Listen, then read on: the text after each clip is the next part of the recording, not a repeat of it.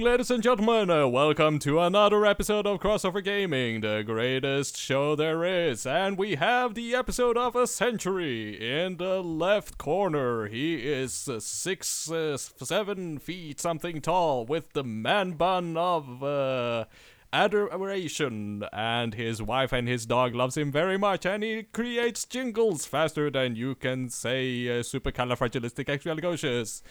Martin Herfjord. In the right corner is the toughest man I know. Not only does he have two children of his own, but he hangs out with children every day as a teacher. Give it up for Mats Jakob! Og mitt navn er Ingar Takanobu Hauge, og jeg er programleder.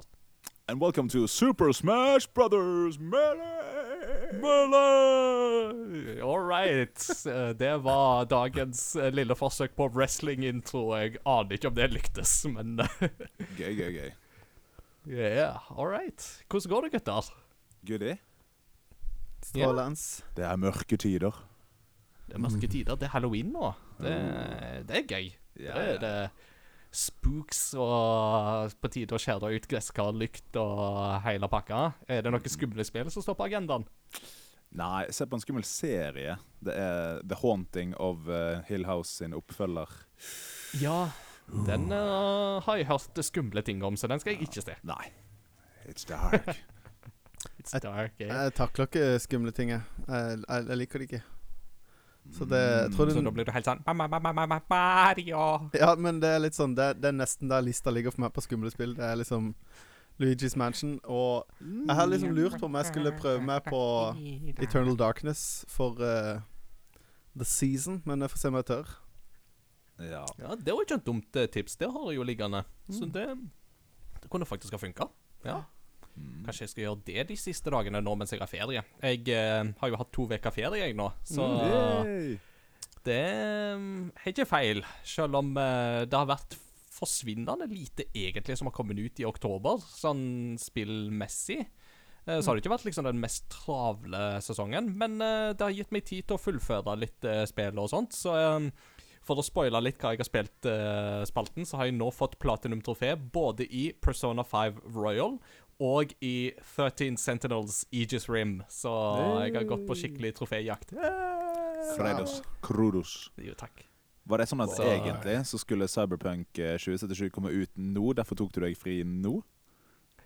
Nei, Nei. Uh, sånn var det ikke. Uh, det var faktisk noe jeg i utgangspunktet gjorde da Dragon Age Inquisition skulle komme ut. Så hadde jeg egentlig planlagt ferie med tanke på det spillet, og så ble det utsatt. Så da gikk den ferien litt sånn Måtte jeg finne på andre ting da i stedet. Men eh, nå var det mest bare fordi at uh, oktober er en periode der det skjer veldig lite i den vanlige jobben min, så da passer det fint å ta litt ferie. Ja. Eh, Ja. Og så hadde jeg bare to uker i sommer, så da ble det sånn. Ja. Yeah. Kos. Nei, uh, ja. eh, ellers er det noe nytt å melde fra Oslo, Martin. Jeg har eh, lagd eh, intro og jingler til Spillerevyen med han eh, Lars Rikard Olsen og eh, ja, Cato Lorentzen. Som er ikke Oi, bra oi, oi. parodi, men eh, det er noe. Oi, skal jeg si. Det, er- du, hvor mange spillpodkaster har du nå eh, jingler for? Det er alle utenom Crossover Gaming nå. Nei, du, du, du må ikke glemme at du har Åsmunds hjørne. Ja, han live. Nei, men Hvis vi bare får inn noen nye spalter, så skal det, så skal det komme. vet du Her skal det spaltes. Her skal det spaltes. Ja, ja, ja. Og så har jeg jo funnet ut hva som er den beste japanske restauranten i Oslo. Mhm. Som er Ezo på Grünerløkka, med mm, ramen i første etasje og Itzakaya i kjelleren. Ja, stemmer, stemmer. Med samme magiske kokk som har Sapporo eh, på Vulkan. Ja. Så det-. Er et must-sted for folk i Oslo som liker japansk mat. Nice, nice, nice. Jeg har ikke vært der sjøl ennå, men jeg har fått med meg at den eksisterer. Uh, og Sapporo uh, Ramen Bar har jeg vært på og kan varmt anbefales. Yes. Så Mm. det er godt skussmål. Ja, uh, Mats Jakob, din eh, ende av eh, Norge. Nei, det er ikke så mye. Det er jobb, liksom. Det er Det er jobb og jobb. Eh, Det som er litt hyggelig, er jo at eh, Altså, det er jo ikke hyggelig når folk blir, når folk blir syke sykemeldt. Men uh, det er veldig hyggelig når, eh, når, eh, når folk jeg kjenner, blir ansatt som vikar. Uh, så jeg har vært så Mm, heldig ja. å få jobbe med vår herlige jinglebassist Simon i to uker. Simon! Det har, det har vært særs hyggelig. Eh, det er jo veldig, det er veldig interessant å jobbe med kamerater. Eh, Mm. spesielt eh, Det hadde vært noe annet når man kom på en måte Altså Jeg kjenner jo Simon veldig godt, og, og vi hadde jo praksis sammen, så vi har jo vært lærere sammen. Men, eh, men allikevel eh, interessant opplevelse, men det er veldig hyggelig. Ja. Eh, Jeg, jeg, jeg ser for meg um, Nå sitter jo jeg og kona og ser veldig mye Scrubs for tida, så jeg ser for meg deg og Simon blir litt sånn JD og Turk-forholdet. så plutselig så begynner dere Cause it's guy love between two guys. Ja, det Og Scrubs, det er lenge siden jeg har sett. Det var sånn after school-rekka. Ja, Litt sånn det post er- er MacGyver-tida. ja, og det er kjempekos å se i riktig rekkefølge. Eh, og det er en serie som fortsatt uh, varmer og underholder, altså, og det er kjempe, kjempefestlig. Får jeg ta en liten kuriositet? Mm. Får jeg ta en liten kuriositet som ikke da er spillrelatert, men som er relatert til Scrubs? Um, for um, i Scrubs så har du han som spiller vaktmesteren, uh, som jo ikke husker navnet på akkurat nå, på skuespilleren. Men altså, han er jo en kreativ fyr som bare var sånn De slutta jo å gi han manus, fordi at han bare fant jo på sine egne greier. Så Og det har jo bare fortsatt. Og så er det i én episode der um, rollefiguren Carla får vaktmesteren til å tvile på at noen ting han har gjort, i det hele tatt har skjedd. For hun skal prøve å få han til å glemme noe som han har sett. Eh, og da blir han helt sånn der kanskje, kanskje alt jeg husker, aldri har skjedd noen gang. Uh, kanskje jeg aldri dro til Kina og fikk et barn med en lokal innfødt der. Uh, og så kommer han med setningen Never I've Perhaps I never even played in Fugitive. eh, som da endrer en referanse til filmen Jaget med Harrison Ford. Mm.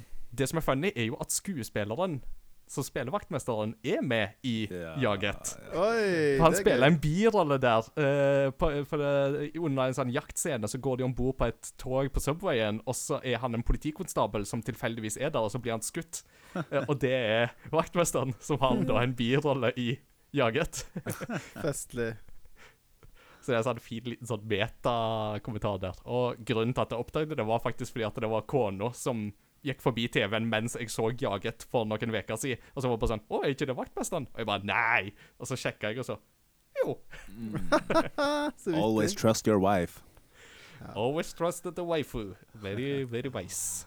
Waifu. All right. Med um, sånn, uh, Bortsett fra det, så må vi òg nevne at uh, nå har vi jo um, introdusert en liten spin-off-podkastspalte uh, som heter um, Navnet er ikke helt bestemt ennå, men uh, om det skal hete Crossover Gaming DLC eller What's the Deal With eller Cog forklarer, er vel det navnet som har landa på foreløpig. Men uh, det er i alle fall en liten eh, serie der vi prøver å um, gi en kort sånn introduksjon til forskjellige spill og spillfenomen og sånne ting. Så um, Mm. Da har vi hatt første episode sammen med Petter. Og det funka veldig bra. Da snakket vi om Assassin's Creed, så sjekk gjerne ut den hvis dere vil det. Da er det en halvtime om Assassin's Creed og hva det er for noe. Mm. Så, Og ordentlig god trøndersk. og ordentlig god trøndersk, ja. Det er sjø. Mm. Nå har vi lært. så det er viktig. All right. La oss ikke nøle. La oss sette i gang og gå i gang med dagens episode. Let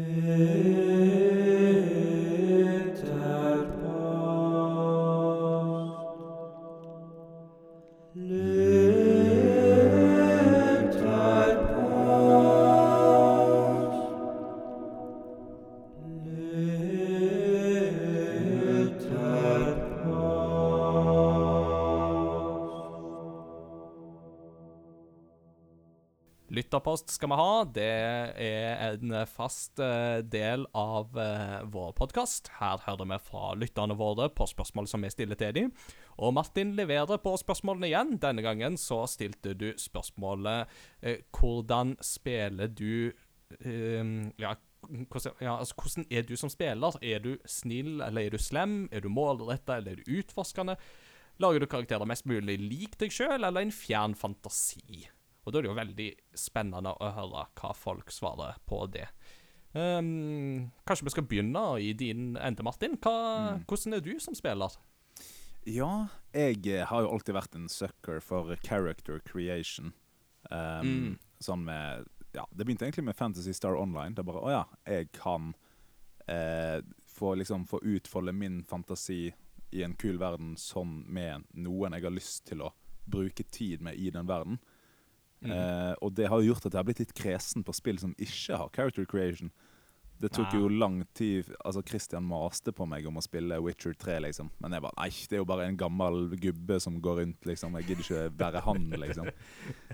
Um, så jeg er veldig opptatt av det. da Det gir en veldig ekstra dimensjon til uh, meg. Uh, så jeg var jo veldig sånn good guy før, men når jeg tenker etter, så Når jeg har spilt spill som Skyrim, eksempel, så uh, har det vært mye pickpocketing og uh, Jeg har alltid vært sånn derre Hvis jeg slipper unna med noe, og jeg kan tjene på det, så uh, Give me the money, guard, Yeah. please.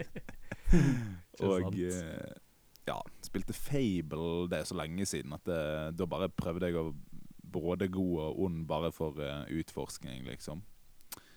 Ehm, men jeg er veldig utforskende, da. Jeg skal liksom gå i hvert hjørne av mappet for å liksom forsikre meg. Jeg, jeg skal ha med meg alle items. Uh, hvis spillet peker til høyre, så går jeg til venstre, liksom. Mm. Uh, så jeg er litt sånn, så det tar jo tid. Mm. Uh, men så får jeg alle kortene i Witcher, da, i hvert fall. Ja. Det, og det er noe å være stolt av, absolutt. Mm. Jeg tenkte mm. på, når du snakket om dette med character creation og sånt um, En ting som jo folk leker seg veldig med akkurat nå, er jo Baldur's Gate 3, uh, Early Accessen. Mm. Men uh, et av de mest imponerende character creation-spill jeg har vært borti, er jo Monster Hunter. Eh, Ja. Eller Monster Mm. Hunter World. Har du spilt det? Ja, det likte jeg Ja. veldig godt. Ja, For der brukte jo jeg tror jeg, en time på å lage rollefiguren og katten min. Ja, mjau. Det som blir bare katt når de lager mat. Disse så pellekåene er jo helt fantastiske. De beste kokkene. Ja. Det er sånn der svær sånn katt med sånn der bøst arr over en øye. Oh, så bare står der liksom sånn skikkelig sånn Boss Kitty bak eh, liksom store teppan uh, jakkeplater, og så bare Oh yeah. Mhm. Yeah. Fett. Uh, du da, Mats Jakob? Nei, jeg er litt sånn motsatt av denne skalaen. jeg. Syns den beste character creation-greia som jeg har vært borti, som jeg fikk mest tilfredsstillelse av og brukte mest tid på, var jo å lage min første Me på Wii. Jeg syns jo det var jeg, For jeg er helt enig. Jeg syns det er gøy å lage med. Jeg syns det er gøy å spille Mm. som Mats Jakob. Det er en grunn til at uh, men, men det kan godt være litt sånn et slags alter ego. Jeg går jo ikke med cowboyhatt uh, til vanlig, men Mm. min uh, Golf Pro i 2K21 er jo Er jo med med cowboyhatt. Briller og skjegg og skalla og litt lubben og Altså Så, så jeg har alltid den. Jeg syns Jeg har alltid liksom syntes det er litt sånn greit når de bare velger for meg. Jeg syns Mm. Skyrim var litt sånn Første gang jeg spilte det, det var kanskje mitt første sånn ordentlig character creation-spill, da. Hvor jeg ikke bare liksom gikk for uh, stock-modellen. Eh, men jeg valgte jo allikevel å spille som en male human, eh, på en måte. Sånn at jeg, jeg sklir sjelden langt vekk fra Fra mitt opprinnelige jeg. Eh, og derfor liker jeg òg spil, godt spill som Zelda, da hvor jeg på en måte bare blir tvunget til å være Link. Og så kan jeg Mm. identifisere meg med den rollefiguren istedenfor å måtte være en drage med tre hoder, på en måte. Eller Three-Headed Monkey. Så det er Eh, ja, jeg, jeg, ja, som sagt, an, helt i andre enden av skalaen der. Men, men jeg syns character creation er veldig kult. Mm. mm. Eh, og et av de spillene andre spillene jeg har brukt mye tid på, er Tony Hawk. Og der er det på en måte Der kan jeg bruke mye tid inni eh, Inni i- Innenfor de rammene av at du er et menneske. Da er det på en måte yeah. Da er det litt fritt vilt, på en måte men jeg syns allikevel det er gøy å lage en som ligner på meg. Men, men eh, jeg vet ikke, jeg tror jeg blir litt sånn stressa av for mye valg.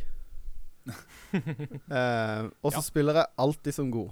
Jeg klarer ikke å Mm. spille Jeg tar alltid det gode valg. Hvis det kan. You're so pure of heart. Ja, til og med i Zelda, når det er sånn Du kan velge et godt eller et godt svar, og så er det sånn ja, Noen ganger kan du være litt frekk. Så er det sånn Jeg er aldri. Til og med Dette tenkte jeg på da vi snakka om det i stad. Da jeg spilte Ocarina of Time. Hvis jeg ødela skilt, så spilte jeg Mm.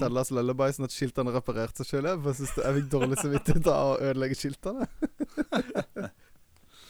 Å, den er fin. Så Du der har vi sånn- det. Um, Kumlesopp eh, nevner det i begrepet kronisk analyseparalyse. Ja. Så det kan være at du har sånn eh, flere valg eh, gir stress-greie.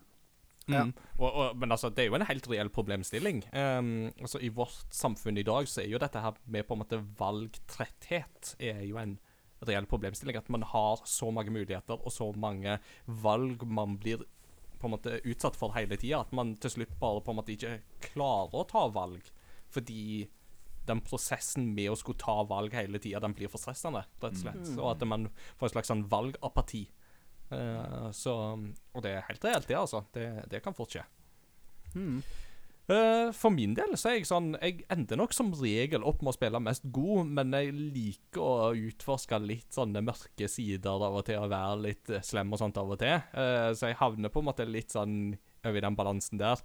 Og bare for å ta eh, et eksempel på det, så spilte jeg litt Super Mario 64 nylig på den tredje 3D Allstars-pakka. Og når jeg kom til den her eh, isverdenen og skulle levere den her pingvinbabyen så etter at jeg hadde levert den og stjernen var klar, så tok jeg opp pingvinbabyen, og så gikk jeg til kanten av verdenen, og så wii, så slapp jeg den pingvinbabyen utfor. We've all done it! Er ikke det definisjonen på å spille som ond? å kaste en pingvinbaby av Skyloft. I still regret it. Ja, men etter Ja, men altså, etter å ha hørt på den der ungen bare gå I fem minutter, så blir du gal. Kids are not for you, I hear. Nei, Ja. så, så, som dere skjønner, det er en grunn til at jeg ikke er småbarnspappa. Jeg skjønner, jeg ler høyt inni meg når du sier 'i fem minutter'. Ja. I was sweet summer child. Try five years. know. Ja, det Ikke sant. mm. Uh, men, nei, men altså, det stort sett ender jo opp liksom likevel på en god side. Altså, Men du har jo sånn som i Heroes 3, altså Heroes of Might and Magic 3, så ender jo opp med å liksom gjerne spille de der mørkere um, uh, alliansene, altså Dungeon og Necropolis og disse her. Uh, mens i Star Wars endte jeg som regel opp mer i liksom det gode, og i um, Mass Effect så ender jeg jo gjerne opp som god. Uh, ja, Martin.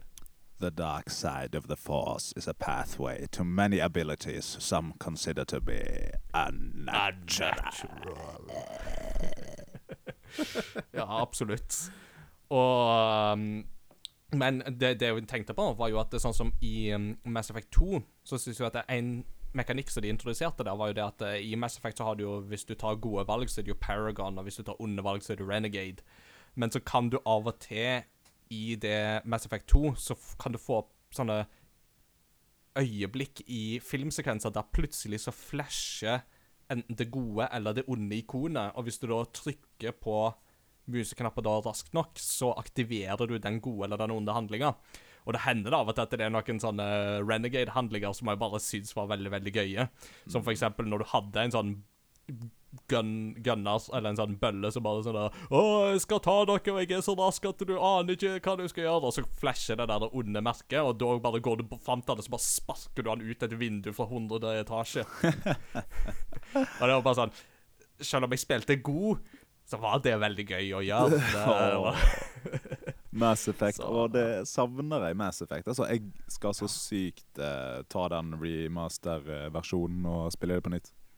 Mm, det er jo veldig sterke rykter som antyder at det er på vei, så det er jo noe å forvente der. Og det skal sies at uh, i Mass Effect så er det noe eget å spille som female shepherd og spille Renegade. Uh, for Jennifer Hale, hun som er stemmeskuespilleren til Shepherd, uh, female version, er jo fryktelig god og, og utrolig kul når hun er bad. Mm. Eh, hun har jo også stemmen til Ash i Overwatch, så der har hun jo litt den der eh, yeah. onde cowgirl-greiene. Eh, My business, my rules. My rules. Jeg håpte du skulle si Ash Ketchum, og bare velge Renegade Ash Ketchum. Pikachu! No! I choose you. Uh, Nei, det er ikke, ikke helt der, nei.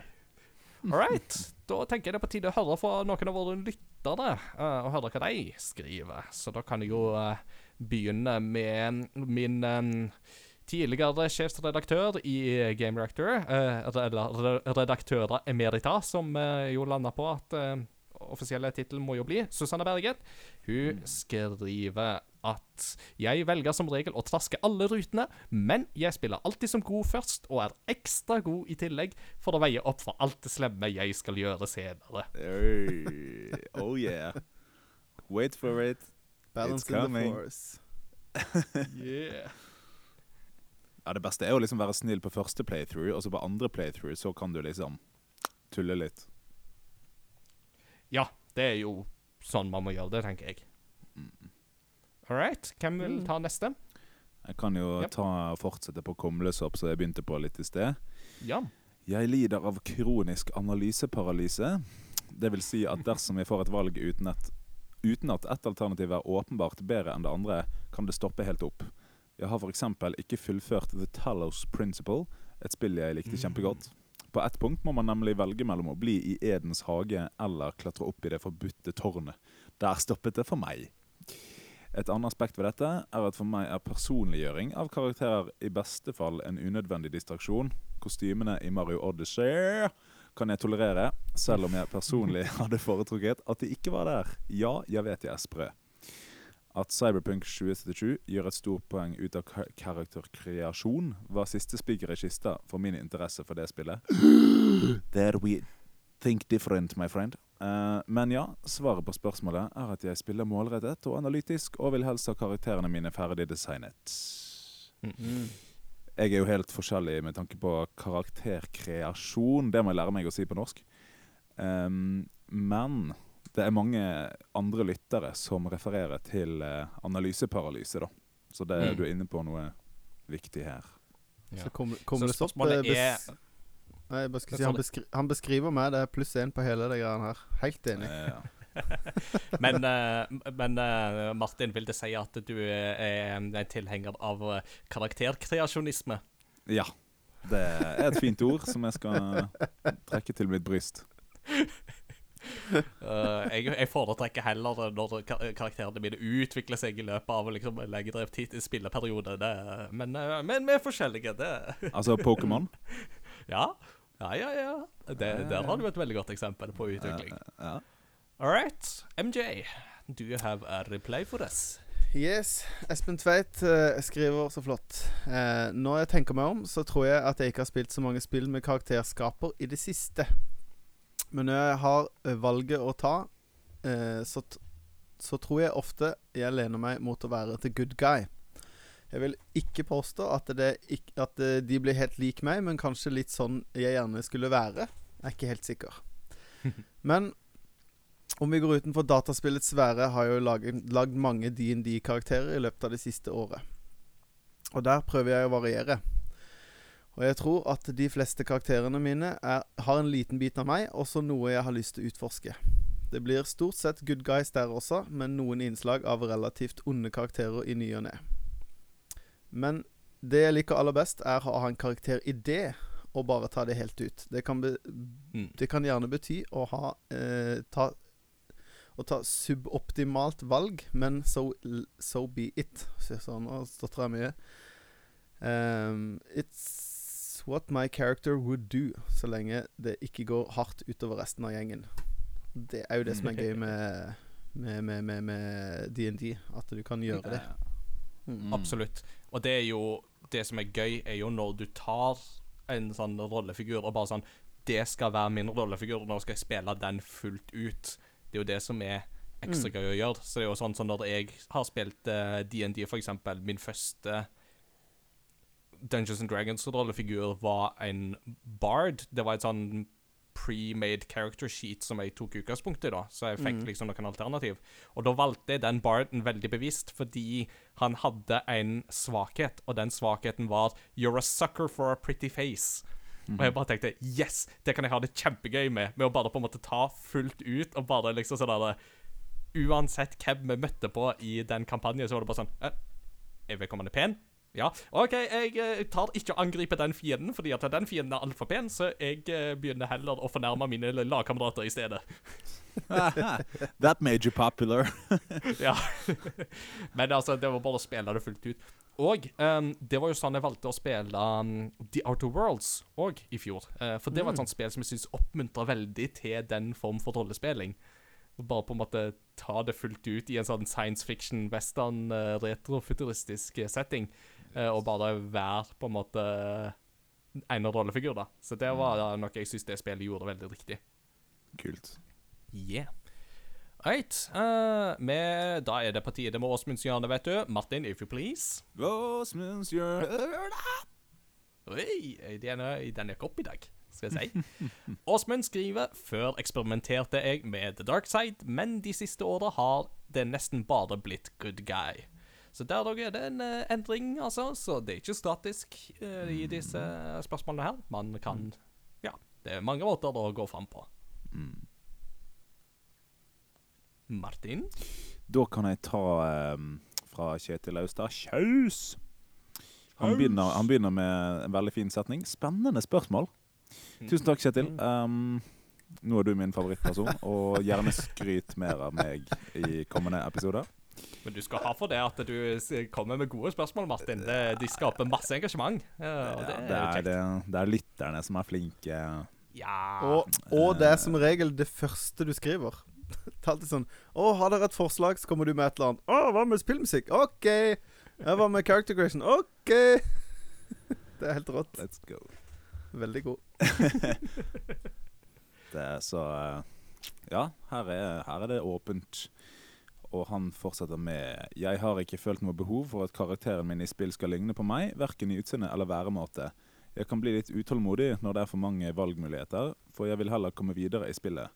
Generelt liker jeg best spill der historien er skrevet på forhånd, som f.eks. For Last of Us Part 2 eller Hades, for å ta to, to nylige favoritter.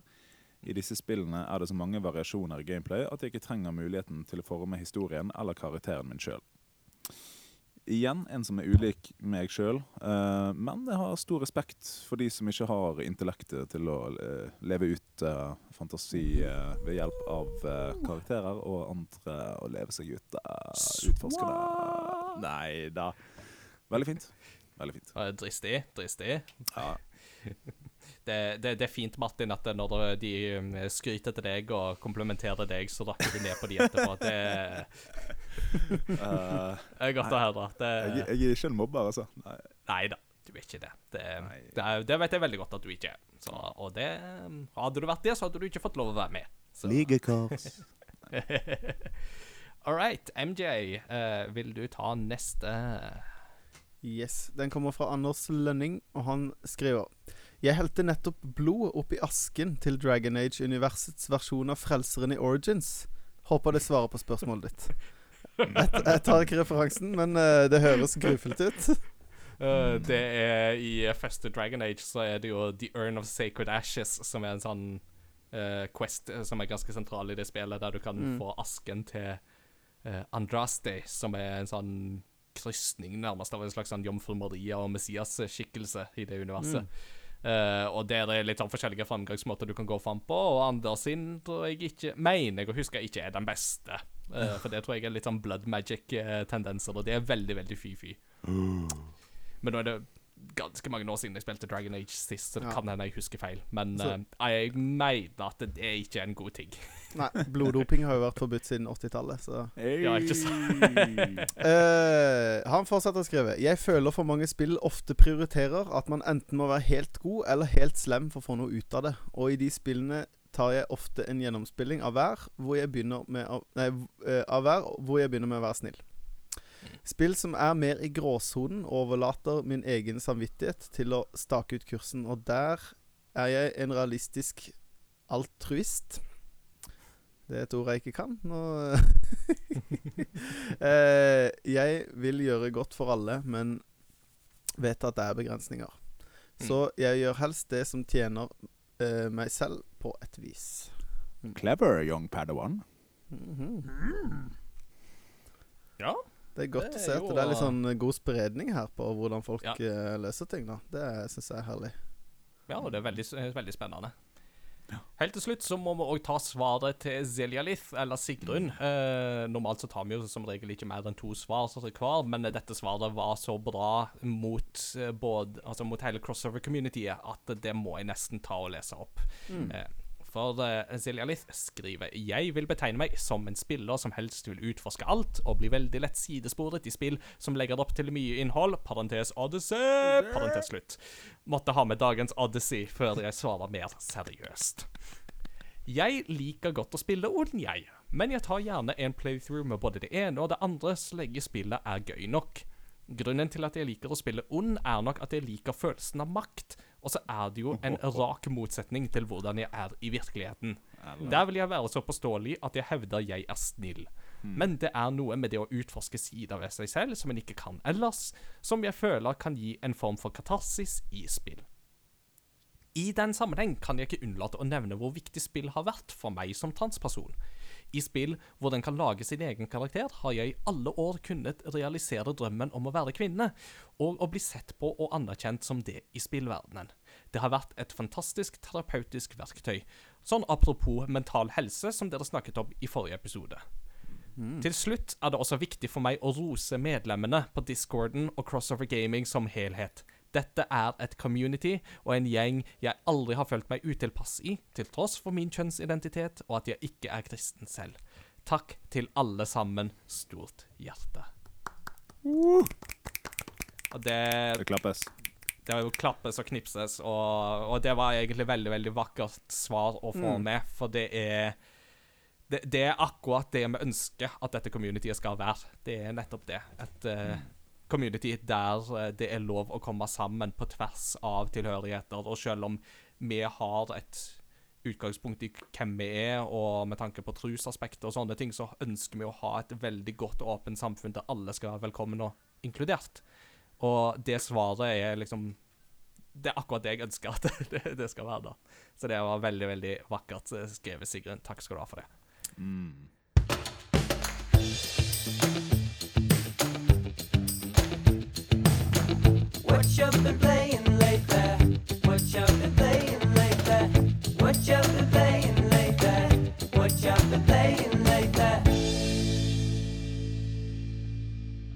All right.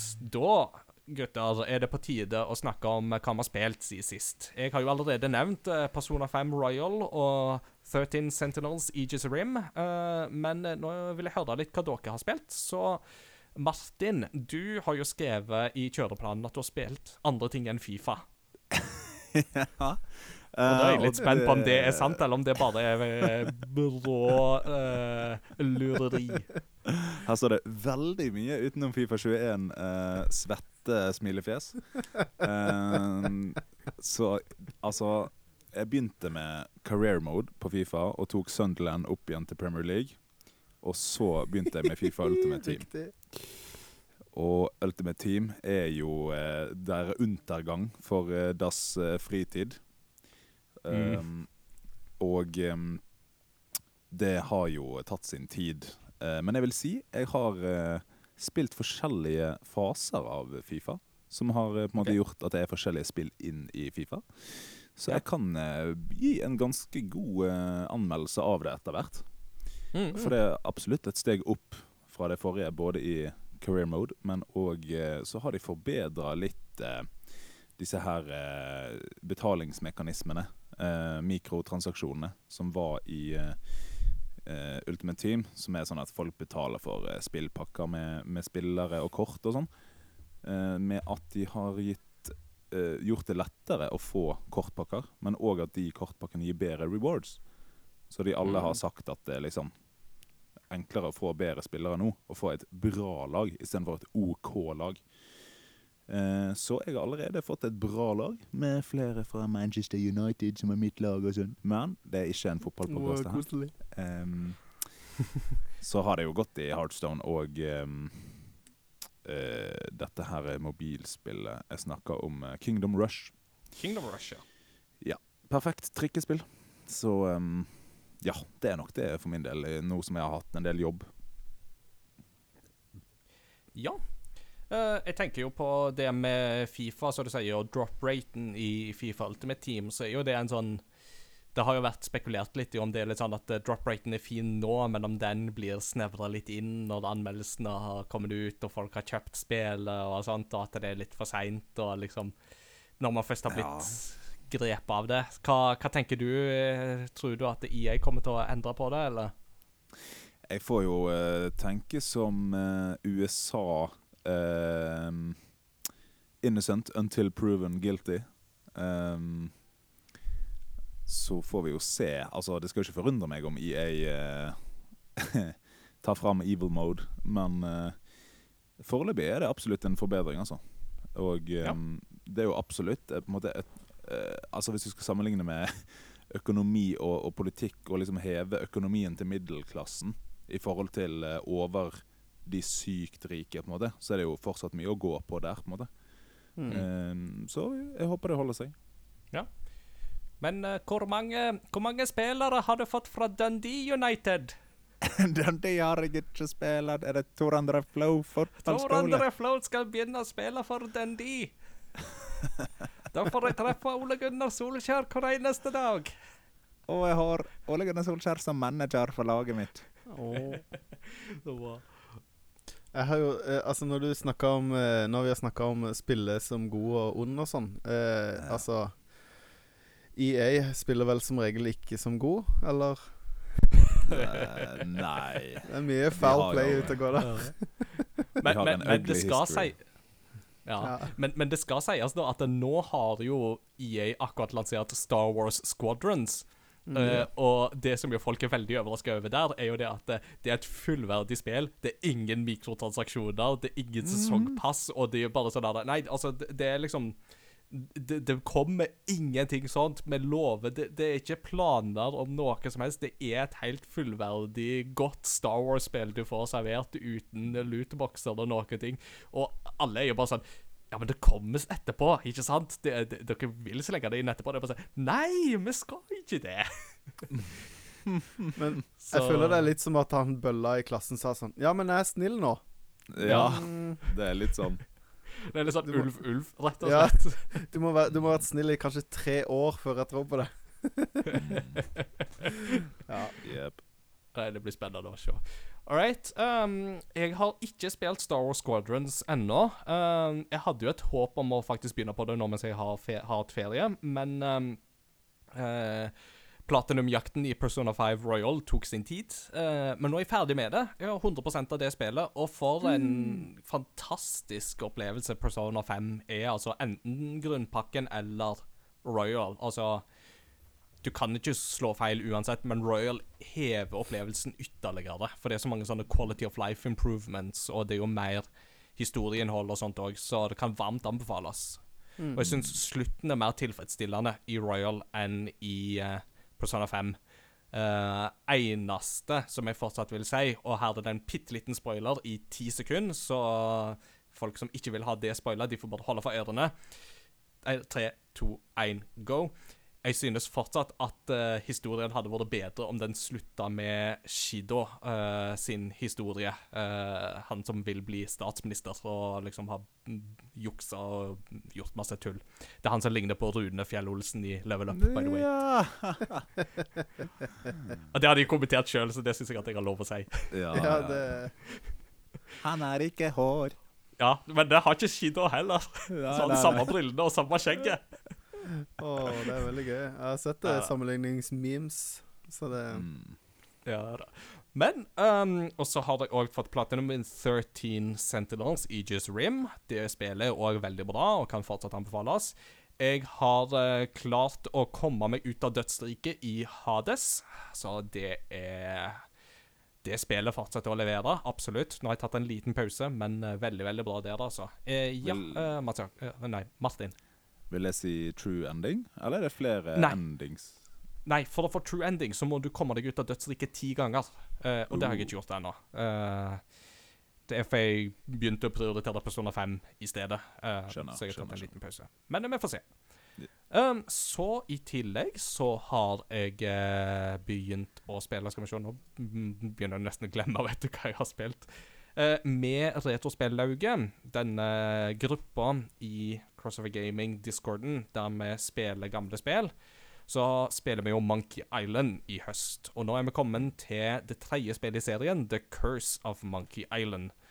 Og det er veldig gøy, for det er jo det første Monkey Island-spillet som vi spiller nå i høst, som jeg ikke har spilt tidligere. Og det er litt eh, artig. Dette er jo da det første Monkey Island-spillet som ble laga uten det originale trekløveret med Dave og Tim og um, Ron. Å, nå står det helt stille. Ron, takk. Um, men, eh, men det leverer på humor og sjarm og alt. Og dette var jo det første spillet som òg hadde stemmeskuespill, så det er en litt annen sånn grafisk stil og litt andre ting, måter å gjøre ting på og sånt, men det er veldig, veldig artig. Og jeg kan jo blant annet nevne at jeg har jo hatt en banjo-duell med Edward van Helgen. eh, oh, det er gøy. og det er sånn Nå eh, i disse Van Halen-tider uh, så er, ble, det, ble det liksom ekstra gøy å møte en rollefigur som heter Van Helgen, som spilte banjo. Rest in peace. Rest in peace, altså. Det var Nei, det var veldig, veldig artig så langt. Koser meg med det, og gleder meg til fortsettelsen. Hmm.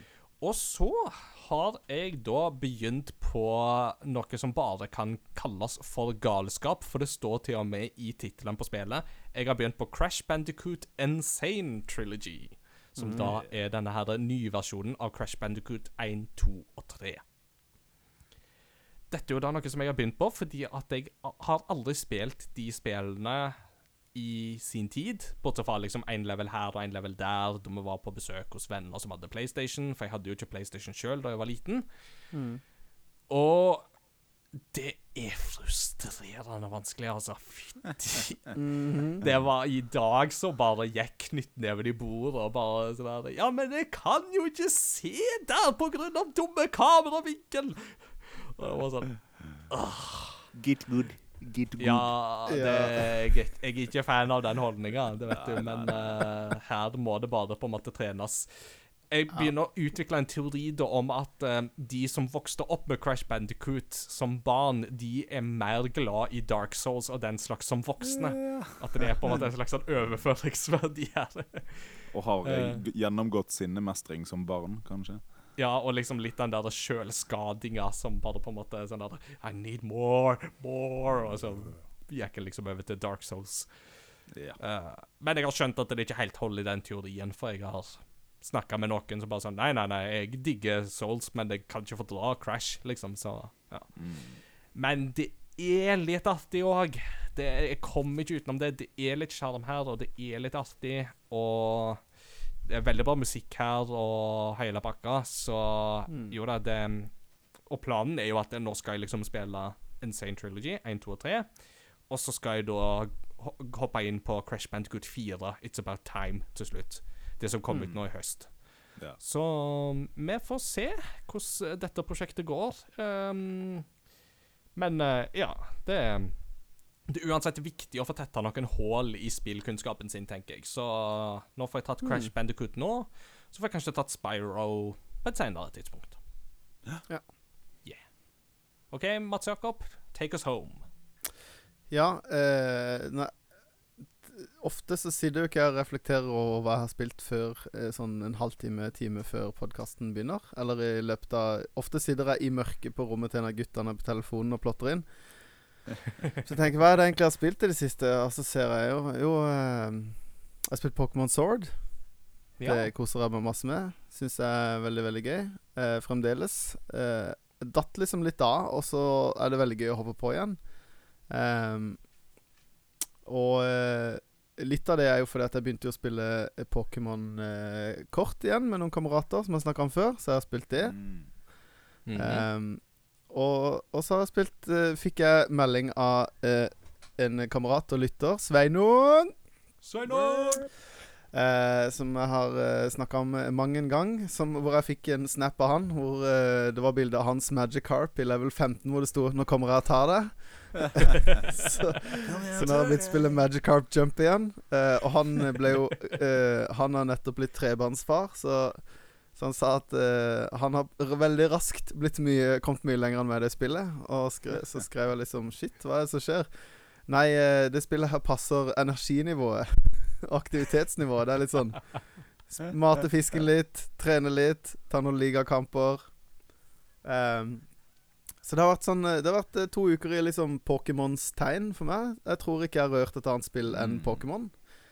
Eh.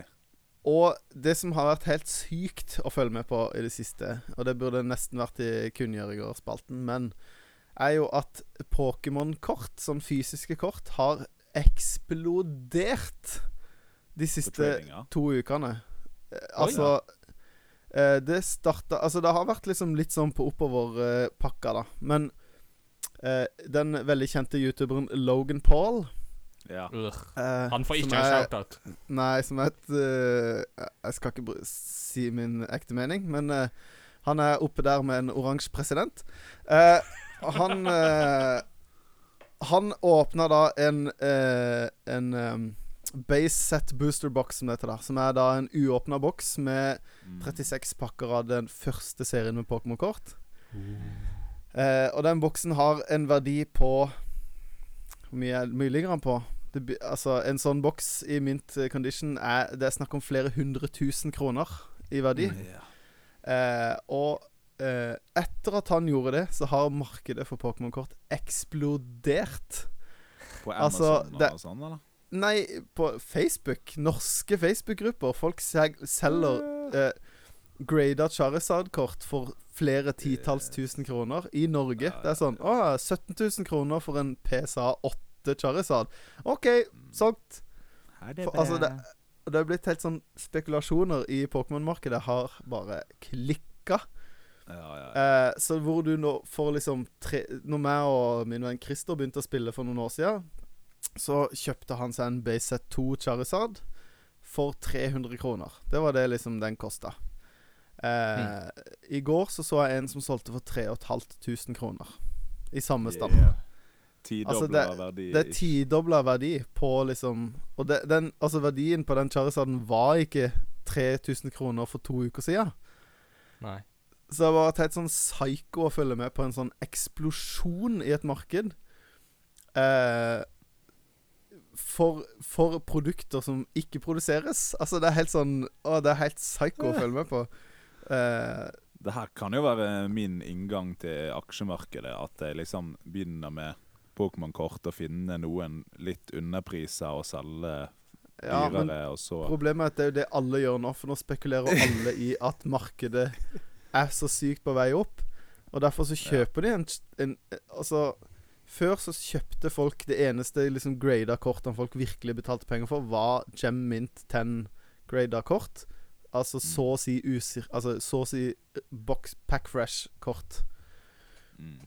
Og nå er det liksom Folk spekulerer i syvere og åttere. Sånn kort som folk ikke gadd å sende inn til å bli grada engang før. Altså Det har bare sklidd helt ut. Så det er bare å følge med. Og hvis du har en Charizard eh, i permen din fra du var liten eh, Du har potensielt liggende noen tusenlapper der, altså. Det yeah. Hmm. hmm. Tenker seg til jeg hadde en Gyarados i sin tid. Uh, de kortene jeg hadde der, solgte jeg vel for skarve 200 kroner og kjøpte vanngevær uh, på barneskolen. Ikke sant? Clever. Ikke sant? Skulle ha Ja, spart jeg på har, det. også, jeg har også en gjeng med, med, med de første settene, men de er ikke så god stand, da. For det, og det er jo litt av grunnen også er jo at eh, folk eh, kjøper eh, boosterbokser for å åpne de for å finne en, ti, en, en, eh, en PSA 10 Charizard, for den er verdt mye penger. For det, det er ing... Da var du veldig, veldig nøye som barn. Eller fikk en Charizard og ikke brydde deg, hvis du finner den fra barndommen, og den er i fin stand. Mm. Og, og det er, der er det liksom Ja, psycho. Nå skal ikke jeg snakke mer om det. Sjekk det ut sjøl. Det er helt bajas. Yes. Og dette er jo grunnen til at det er lurere å investere i gaming-ting og tang enn i aksjemarkedet. For at plutselig så går det ting opp i verdi, og så blir du rik. Så yeah. Så sitter alle som samler på Yu-Gi-Oh-kort og sånn med en knyttneve, fordi det går ikke opp i verdi.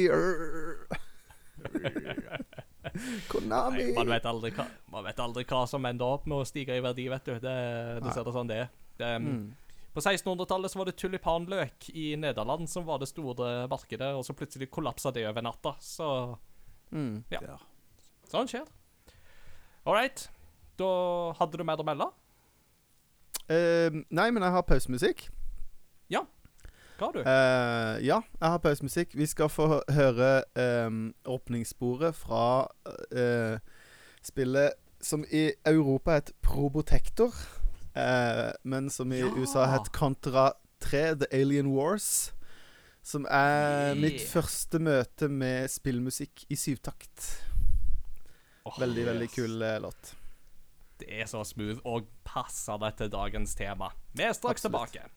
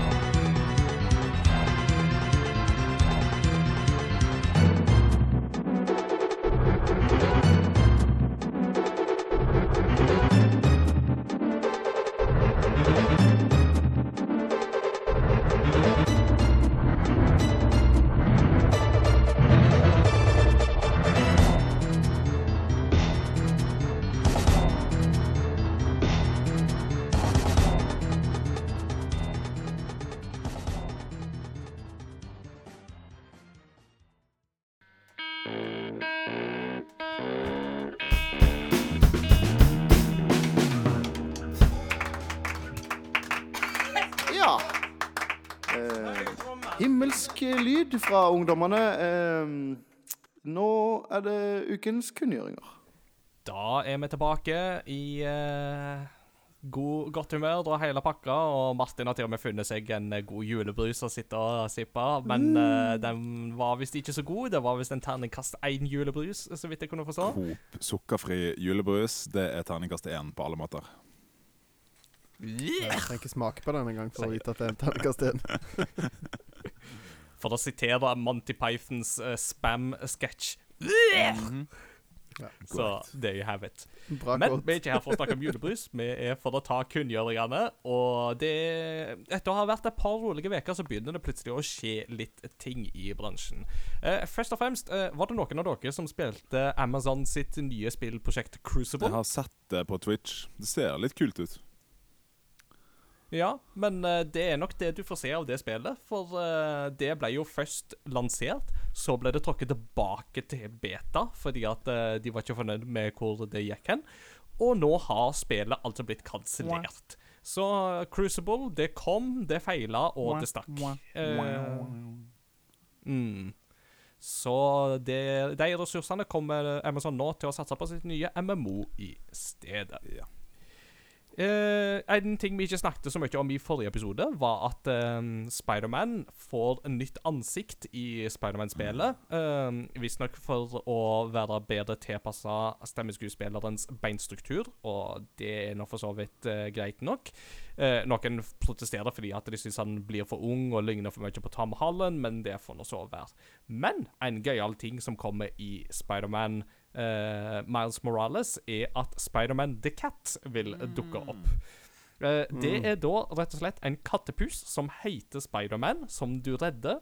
Og seinere i spillet så vil du kunne gå med en ryggsekk på ryggen der Spiderman the Cat sitter oppi og kan ta finisher moves uh, på fiendene dine. Så plutselig så kommer det bare oh, but can you pet the cat?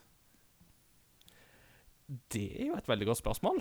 Det vet vi ikke ennå. Men uh, you can fight with the cat, and that's even better. Så, og det er veldig, veldig viktig her at du slår ikke katten, men du slåss med katten. Det er veldig Ja. viktig distinksjon her. Correct. Så, yeah, så uh, kjæledyr i spill blir tatt opp enda en grad. Og så har Nintendo annonsert at spillet Fire Emblem, uh, Shadow Dragon and The Blade of Light får en offisiell lansering i, på engelsk for første gang. Det er da altså det første Fire Emblem-spillet i serien. Uh, og det har kommet en DS-utgave av det spillet tidligere, uh, en sånn remake, men dette er da altså en um, original versjon av spillet. Eh, det kommer derimot med som en sånn limited-lansering, akkurat som, som Super Mario 3D All-Stars, så det er litt synd. Kult. Kan det ligne litt på Final Fantasy 1 i estetikk? Ja, altså det er jo fra gamle Famicom, dette her, så det er klart at det vil jo se ut med gammel 8-bit eh, pikselert grafikk og sånt. Uh, men um, et, altså DS-versjonen var greit, altså. Og, men det som er spennende med det spillet, er at veldig mye av Fire Emblem-strukturen ble etablert allerede med det første spillet. Så det er ganske eh, spennende og interessant. Mm.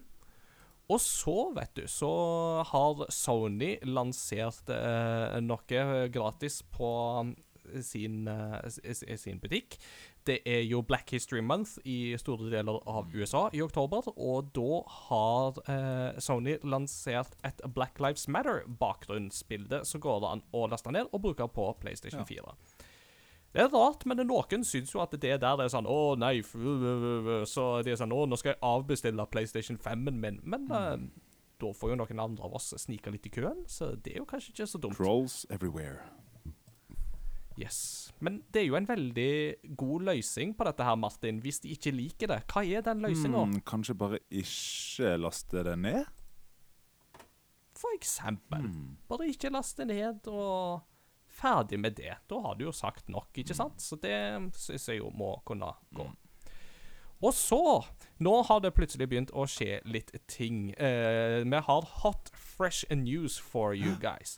For det første, i dag, så kom, mens vi tar det opp, så kommer da altså Sony eh, Eller ikke Sony Det er litt vanskelig å si hvem det er som har kommet med beskjeden, men i hvert fall PlayStation 5 vil ikke bli solgt fysisk i norske butikker ut 2020. Dette er da Sony i samarbeid med norske leverandører som har gått ut og bestemt, og årsaken er for å dempe koronasmitte. Eh, dette betyr at butikkene i stedet vil ta de eksemplarene de ville solgt fysisk i sine butikker, og selge de på nett i stedet. Hmm. Og det er jo veldig interessant. Det er jo første gang en konsoll har blitt lansert uten å få en fysisk lansering. Hva tenker vi om det? Jeg lurer litt på om Microsoft får et uh, forsprang i konsollkrigen, i hermetegn. uh, siden PlayStation 5 da blir jo solgt mye mindre. Da er du nødt til å bestille og få i posten, da er det eneste mulighet. Ja, det er jo det. Og det er klart at når eh, man i utgangspunktet nå Altså, jeg forhåndsbestilte jo min i april, og jeg får min tidligst i mars, er liksom den datoen jeg har Ja. nå. Så det er jo klart at eh, har du ikke forhåndsbestilt, så kan du jo nesten bare glemme å få en PlayStation 5. Eh, Det har kanskje ikke så mye å si i det norske markedet, for alle kommer til å bli utsolgt uansett. Ja, ikke sant.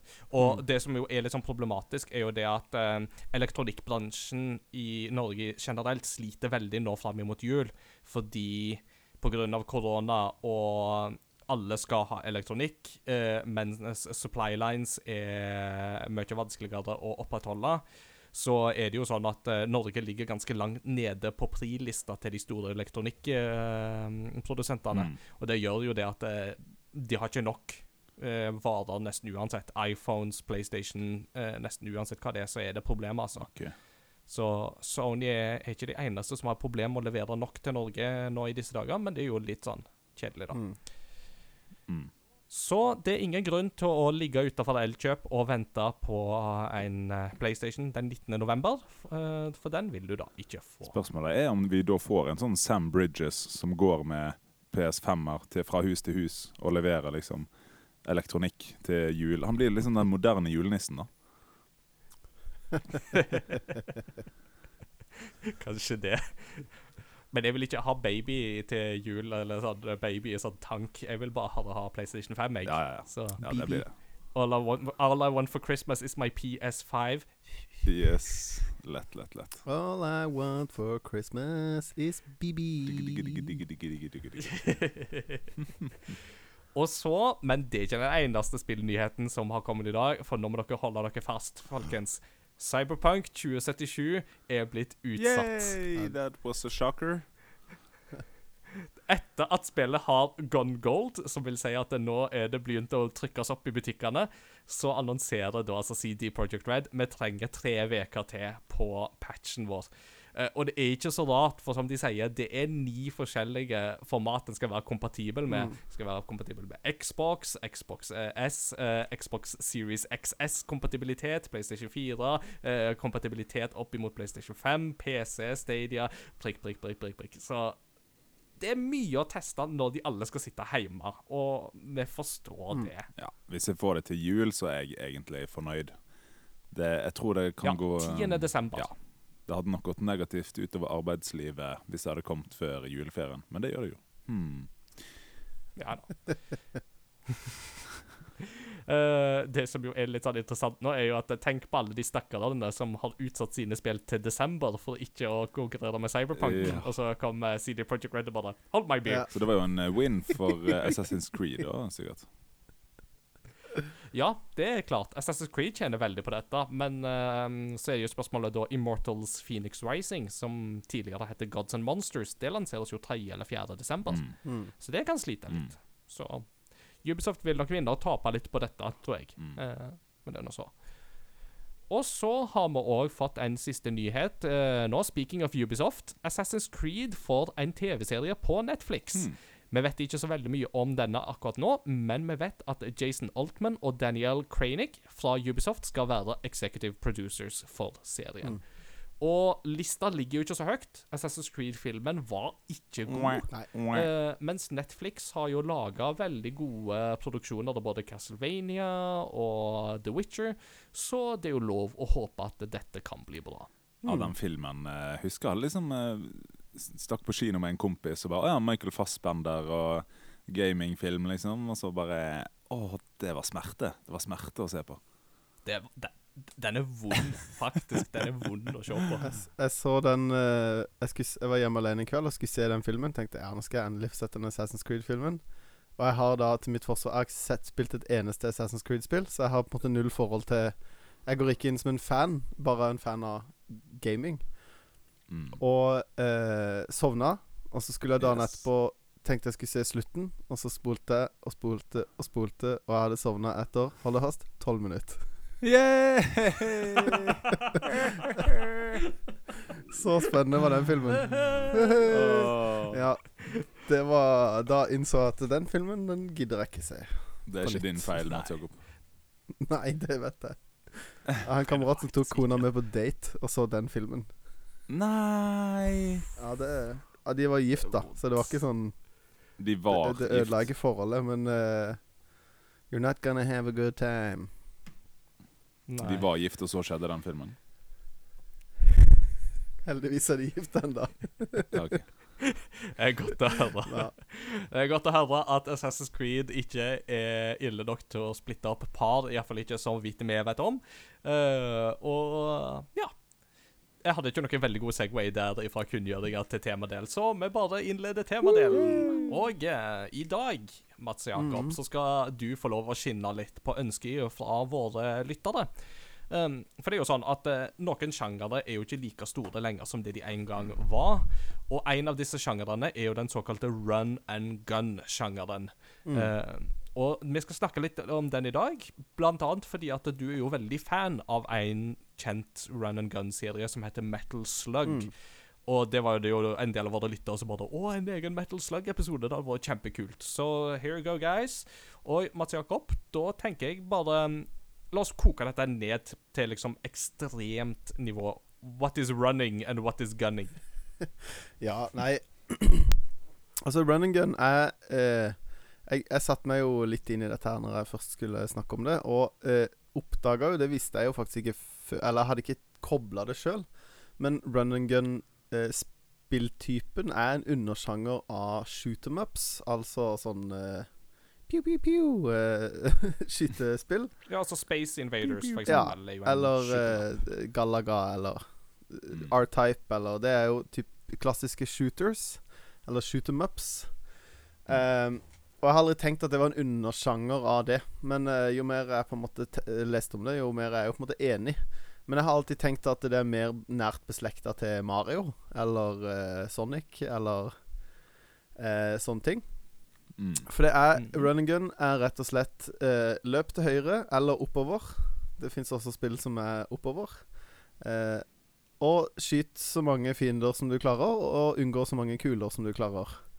Ja. Så det er jo Så det er litt sånn um, Ja. Uh, sorry. Uh, men det er litt sånn Øystein Sunde jaktprat. Det er litt sånn eh, skyter på alt som ser ut som det rører på seg. Ja, det er litt sånn. Konga slenger en Øystein Sunde-referanse i Metal Slug-episode. Der, der er du god. Yeah. Eh, Det er det er en form for jaktprat, eh, dette her, er det ikke det? da? jo, det vil jeg si. Um, Det var en dag i august i fjor at bikkja fikk hetta fulgt et spor. Jeg skal ikke ta hele ramsen. kan du heile? Det er spørsmålet. Omtrent. Ja, det er bra. Det er ikke Hey, verst. creds. Street creds. Uh, nei da, jeg kan veldig mye Øystein Sunde-tekster på rams. Jaktprat er ikke den som sitter best, eh, dessverre. Men uh, Ambassanova, den uh, sitter som et skudd, altså. Må den, den eneste Øystein eh, Sunde jeg kan uh, godt, er eh, eh, fise på flaske og legge den på is. Det er, det, det er den. Ja. Kjekt å ha. Ja. Da må vi få til uh, Ingar synger uh, Øystein Sunde som enten på Sludium eller eh, pausemusikk. En gang. Oh, kan En gang. en sånn Det skal vi få til. deilig midi-karaoke-versjon av en Øystein Sunde-sanger, så kan Ingar ta det live. Men Yes. ikke Øystein Sunde nå. Nei. Uh, metal, nei, run and gun. Yes. Uh, run and gun er jeg, jeg vil jo si at alle spill som er run and gun, er spill hvor du løper og skyter. Altså ikke shooters som hvor du kan eh, gå hvor du vil, men det er enten løpe til høyre eller rett fram. Mm. Eh, og Mm. det er en spillsjanger som har eh, sin start i Arkaden. Det var hovedsakelig Arkadespill først. Og flere av de titlene som jeg sikkert kommer til å nevne, er Arkadespill. Eh, hvor veldig mange fikk da Der de fleste kjenner disse spillene fra, er jo fra eh, hjemmeversjoner. Altså hjemmekonsollversjoner som gjerne 8-bit Nintendo og eh, Sega og så videre på PlayStation og så videre. Men eh, i begynnelsen så var det jo eh, Så var det Kanskje de tidlige, veldig populære eksempelet er eh, et tidlig 8-bit Nintendo-spill som het um, Uh, Ikke Hogan Sally, men det heter ehm, Ja, det var da det. Hva det heter for noe. Jeg, jeg eier ikke spillet, så jeg kan ikke bare kikke opp. Men uh, uansett, eh, det heter Samme det. Uh, et spill på 8-bit Nintendo. Litt sånn cowboy-western-aktig, hvor du ser ovenifra. Du er en cowboy som løper, og så skyter du eh, eh, fiender og hester og alt mulig som kommer imot deg. Um, Mm. Plukker opp eh, eh, våpenoppgraderinger.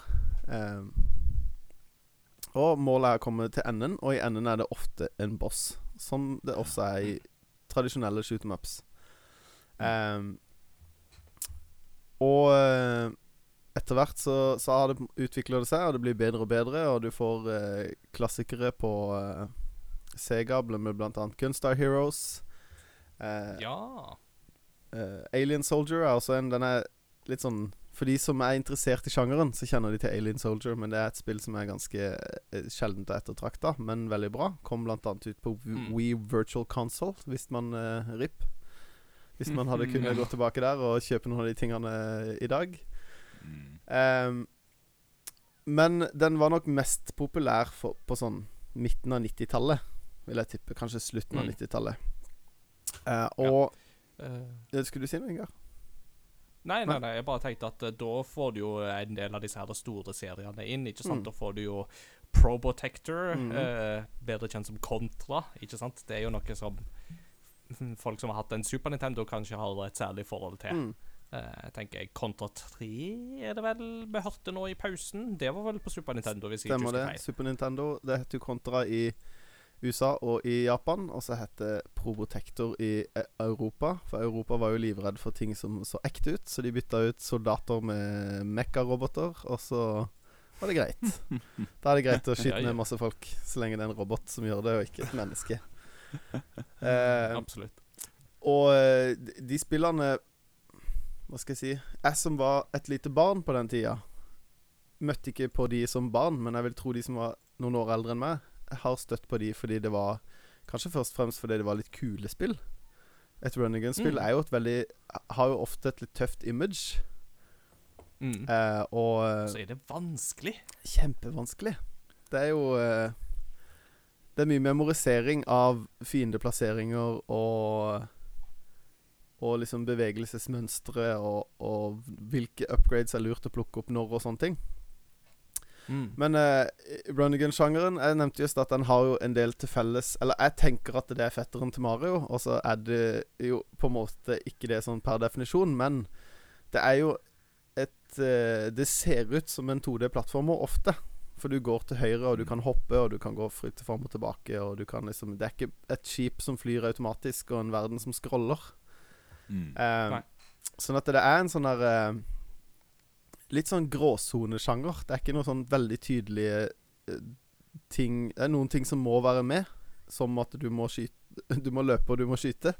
Men bortsett fra det, så Mm. er det litt sånn der Det kan krysses med mye forskjellig, da. Mm. Mm. Og det er en av de tingene som gjør at jeg syns at sjangeren er veldig spennende. At det er litt sånn Det er ikke Hvis du ser et run and gun-spill, så er det ikke sånn Å, der vet jeg akkurat hva jeg får, som et uh, 2D fighting-spill eller en first person shooter eller eh, Den pakka der, da. Mm. Mm.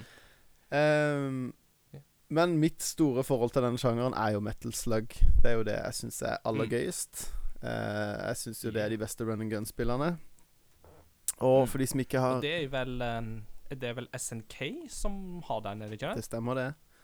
De som sto bak Neo Geo òg. Mm. Og eh, som jeg sa i stad, at eh, Run and Gun har jo alltid hatt start i Arkaden. Og Metal Slug er ikke noe unntak, for Neo Geo, eller SNK, var, eh, kom ut med en arkademaskin som de kalte for Neo Geo. Som var veldig annerledes fra de andre fordi den hadde eh, kassetter istedenfor sånne store eh, hovedkort.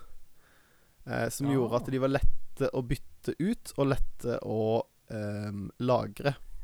Fordi at de var i et plastikkskall, og ikke bare et løst, gedigent hovedkort på 40 ganger 50 cm.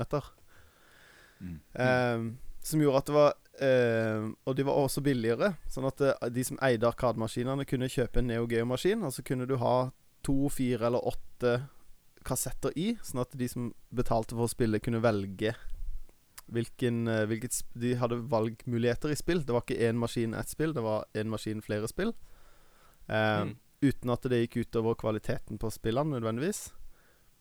Og eh, det gjorde jo at arkadeeiere, eller de som eide arkademaskinen, kunne oftere kjøpe nye spill. Det var ikke så Før, det, før Neo Geon kom, så Så var det litt sånn Da kjøpte man en sånn conversion kit. Som var at du kjøpte Mm. fikk med ny side art og nytt hovedkort og kanskje noen flere knapper eller en annen joystick eller sånne ting. Eh, mens her var det bare å bytte ut spillet, og så eh, bytte liksom headeren på toppen med hvilket spill du hadde i maskinen. Mm. Så det var veldig enkelt å ha rotasjon på spill, som gjorde at de maskinene ble veldig populære. da For Det var ofte noe nytt på de, og de kunne ha, inneholde forskjellige spill. Eh, Veldig praktisk. ja, veldig praktisk. Og eh, Metal Slug eh, kom ut på Neo Geo først. Og har jo senere blitt porta til PlayStation og PlayStation 2 og Dreamcast, og nå er det jo på alle mulige steder. Du kan kjøpe de på Steam, og så er det mulig å få spilt det mange steder. Men eh, før så måtte man gå i Arkaden. Og Metal Slug er eh, et spill som er veldig sånn klassisk eh, eh, Det er jo ikke et amerikansk utvikla spill, men det er et veldig amerikansk sånn eh, Feil å si verdenssyn. Men eh, du er da en eh, elitesoldat, eller en av flere elitesoldater, som kjemper mot eh, en hær i grå uniformer med en hvit X på, sort, på en sort runding på bånd på eh, overarmen, med grå Mm, tanks. høres kjent ut. Eh, ja, det er litt lett å skjønne hva på en måte Det er litt sånn Team America-stemning ute og går. Når en, det er liksom én mann mot en hel hær. Eh, men uh, det Jeg, Ja, Ingar. jeg, jeg, jeg, ser- jeg ser jo for meg at uh, Du snakket om verdenssyn. Jeg ser for meg at uh, dette er sånn japanere ser for seg at amerikanere er på 80- og 90-tallet. Det, det tror jeg på. liksom, at det er mer det, ikke sant? At det er sånn er ikke sånn This is how America think of themselves. Men dette er mer sånn This is how Japan thinks of Americans. Uh, og da tydeligvis kun har hatt Arnold Schwarzenegger-filmen Commando som læringskilde. Ja. Yes. Garantert. Eh, og eh, det er veldig sånn karikert spill. Altså det er veldig, som sagt, det er veldig sånn De, de legger ikke noe imellom med hva Hvilke roller du spiller. Uh, men plutselig så støter du på aliens og zombies, og det har jo utvikla seg etter hvert, da. Mm. Uh, uh, men ja, det er, det er jo som vi uh, snakka om en gang før, at du er en litt sånn der eh, Rambo-aktig karakter som slåss mot uh, noe som ser ut som nazister, og redder hippier som tar av seg buksa uh, når du befrir dem, og gir deg våpen. Ja, Så det er sånn Å, jeg redda en hippie fra et bur, og så ga han meg uh, en laserpistol. Som, man, som man ikke brukte sjøl til å bare skjære seg ut av buret. Nettopp. Eller ammo, eller Og, og bare, bare det punktet at en hippie har våpen, det er sånn This doesn't add Ja, up. og jeg, eh, skal jeg være helt ærlig, når jeg tenker meg om, så, så er det nok ikke hippier. Det er jo sikkert sånn POVs, sånn prisoner, of- prisoner of Wars, som har sittet lenge så lenge at de har fått langt hår og langt skjegg. Det er sikkert det det egentlig skal være. Men for meg så ser det ut som at det kommer en hårete hippie og gir Rambo våpen for å drepe tyskere. Eh, sånn at det Bildet er litt sånn Ja, det er TV-spill. Det er helt greit. Yeah. Eh, Absolutt. Men uh, det som er kult med uh, Metal Slug og hele den serien, er at det har en veldig karikert uh, artstyle. Det er veldig lett å se at det er et Metal Slug-spill. Eh, Mm. Og eh, det er nesten sånn Jeg vil ikke si selvshading, men det er litt sånn veldig tegneserieaktige karakterer og eh, uttrykk. Um, Mm. Mens på boksen så er det veldig japansk, med litt sånn anime-aktige karakterer. Så det er jo på en måte, de legger ikke noe skjul på opphavet. Eh, Nei. det som er appellerende med run and gun-spill, da, er jo uh, det samme som er appellerende med en shoot them up. Og det er jo uh, litt sånn fast pace gameplay. Og mye skyting, mye kuler. Veldig sånn Når man spiller, ikke spiller det i Arkaden, så er det veldig sånn Å, du dør, mister x antall liv, det er bare å trykke på start, og så kommer du på nytt igjen, og så mister du poengene, men Mm. det er jo ikke det nødvendig, Det er iallfall ikke det jeg spiller det spillet for, for å få høyest poengsum. Det er jo for å spille gjennom og fordi det er gøy, liksom. Mm. Mens i Arkaden så var det jo designa for at du skulle dø ofte, ofte, men ikke så ofte at du følte at det var umulig, men ofte nok til at du syntes det var gøy og hadde lyst til å putte på en ny femmer, ikke sant? Hive på en ny quarter for å spille videre. Eh, og det er De har nok truffet en eller annen sweet spot her, for det, det, det er jo sju eller åtte spill i hovedserien og ganske mange sidespill. Så de har jo truffet en nerve som gjør at folk har lyst til å putte penger i dette spillet. Absolutt. Eh, jeg vil nesten sammenligne det litt som Time Crisis. At du er litt sånn ah, 'Jeg klarte det nesten'. At du er litt sånn Mm, Der trykker på de samme knappene hos meg, da. Nice. Eh, Time Crisis 2. Åh, Mm. Mm, nydelig. Eh, så SNK ga ut Metal Slug, og så kom det et lite Et annet lite firma som er også er veldig kjent for uh, run and gun-spill, er et eh, firma som heter Treasure. Ja, Eh, og, de, de har jeg hørt om. ja, og Treasure har gitt ut uh, mye forskjellig, men de sitt første spill var et spill som het Gunstar Heroes på Sega Megadrive, eller Genesis, hvis du er fra Amerikas. Og eh, jeg har hørt flere eh, påstå at dette er det beste spillet på Megadrive. Og det er et rent teknisk veldig bra spill, og det er litt sånn den røde tråden i hele Treasures karriere. Nå fins ikke det studioet lenger, men Treasure besto av tre eh, Konami-ansatte som, som hadde jobba på Contra, Contra 3 eh, Hvilke flere spill var det? Åh, jeg husker ikke. Det var iallfall litt sånn kjerneperioden av veldig, veldig gode Konami-spill. Og Var de ikke involvert i Super Castlevania? Jo, det kan godt hende også. Jeg husker ikke. Jeg kan eh, Jeg Kan ikke du sjekke det opp mens jeg prater? Eh, We'll try. og så eh, gikk de ut, lagde Treasure, og det første spillet de lagde, var eh, et vanvittig bra spill. Eh, imponerende teknisk, gøy gameplay-messig, bra lengde. Og den derre overgangen fra For dette er et spill som ble lagd til konsoll, Mm. i motsetning til For Contra er også opprinnelig en Arkadeserie. Eh, men eh, å lage da De har tatt den formelen og fått den til å fungere veldig bra uten at du på en måte må dø hele tida for å ha denne pengemotivasjonen, da. Mm. Mm. Eh, så de har lagd Gunstar Heroes, de har lagd Alien Soldier, som jeg nevnte i stad. De har lagd Sin and Punishment, både til Nintendo 64 og Wii. Eh, Mm. De har lagd eh, Ikaruga, eh, Bangayo Ikaruga. Masse bra shooters, da. Mm. Eh, de har en vanvittig bra eh, merittliste, heter det så fint på norsk. Innafor Mm. eh, noen litt snevre sjangere, da. Som gjør at det er en sånn nisjeutvikler for mange som er litt sånn Har en veldig høy stjerne, da. Mm. Inga? Uh, bare nå, nå måtte jeg jo drive litt research Mm. siden du sa at jeg skulle gjøre det, men nevnte du Sin and Punishment? Jeg nevnte det, ja. Både til Nintendo 64 og Wii. Ja, riktig. Riktig.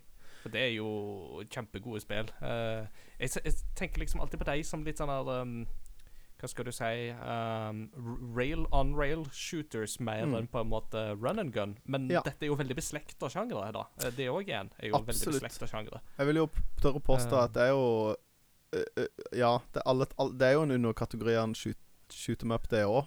og Mm. eh, Ja, alt det Jeg føler det er liksom en stor suppe, da. med, av en Ja. sjanger. Som inneholder veldig mye sånn subsjangere. Eh, og running og det uh, railshooter-sjangeren var jo også en sjanger som var veldig populær på typ 90-tallet. Mm. Eh, Sånn med Star Fox og disse spillene der. Så. Mm. Eh, for å svare på spørsmålet som du ba meg om å sjekke, så eh, Mm. leser jeg nå fra Wikipedia-sida om eh, historien til Treasure. At uh, at uh, Konami, Mayagama and associates that would later establish Treasure worked on a variety of games, including arcade games The Simpsons and Bucky O'Hare. Oi, oi, oi. And Super NES games Super Castlevania, Contra 3, The Alien Wars and XLA. Ja. Ikke sant? Så der har du lista si der. Og de jobber på Bucky O'Hare òg, som i praksis er eh, litt sånn ytterpunktet. Der er det litt mer sånn det er, Bucky O'Hare er jo, er jo Megamann Ja, i praksis. Så det er jo en slags run and gun, det òg. Det er ikke så mye Det er ikke så heavy som mange av de andre med liksom fiender og kuler, men Mm. absolutt nært beslekta. Snakk om, Mm. mm, snakk om harer og sånt. Altså, Jazz Jackrabbit uh, Hvordan er det Altså, er det en Er det en run and gun, eller Ja, jeg, jeg, jeg syns jo det. Og når jeg drev og leste litt på nettet nå, så blir det nevnt i flere foraer at det er litt sånn Å, kan mitt første møte med den type spill var Jazz Jackrabbit. Å, det eh, var på gøy, PC. ass. Min farmor hadde det, det på eh, sin HP med Windows 95. Uh, den, det er en gammel, gammel PC som egentlig er onkel sin, så mine fettere har lagra masse spill på den. da uh, Så det var mitt første møte med noe lignende run and gun, tror jeg. For det Mm. ligner jo veldig på Sonic with guns. Men der kan Ja. du jo gå en del oppover, da, og faktisk tilbake. Så det er litt sånn Metroidvania-plattform-element, da. mm. Ja. Og jeg som trodde nå at din farmor hadde en veldig sterk forkjærlighet for uh, Jazz Jackrabbit. Ah, For, gøy. for grønne kaniner med Rambo-komplekser. Det hadde jo Commander Keen 1, 2, 3, 4 òg. Mm. Åh, Oh, Commander Keen. Mm. God stemning. Mm. Good times gamle- with guns. Gamle PC-spill er jo eh, også noe vi må snakke litt nærmere om eh, en gang Oh, i yeah. framtida. Det er jo en episode i seg sjøl, det Oh, òg. ja. yes. Men når vi var litt inne på det, da. Ingar, eh, har du noe forhold til den sjangeren her? Eller lignende? Du nevnte Star Fox. Ja, altså Jeg må jo liksom tenke litt, og det er jo ofte en del av disse søsterserier Eller søstersjangrene jeg har mer et forhold til. For eksempel dette med Unreal on-rail shooters, sånn som Star Fox Lilot Wars. Uh, du hadde jo noen Resident Evil-spill som var sånn on-rail shooters og sånt. Eh, men jeg tenker liksom litt etter, så kommer jeg jo på at um, jeg testa et Early Access-spill i um, Jeg tror det var i fjor. Eller så, ja, det må ha vært i fjor. Uh, som heter Mm. Fury Unleashed.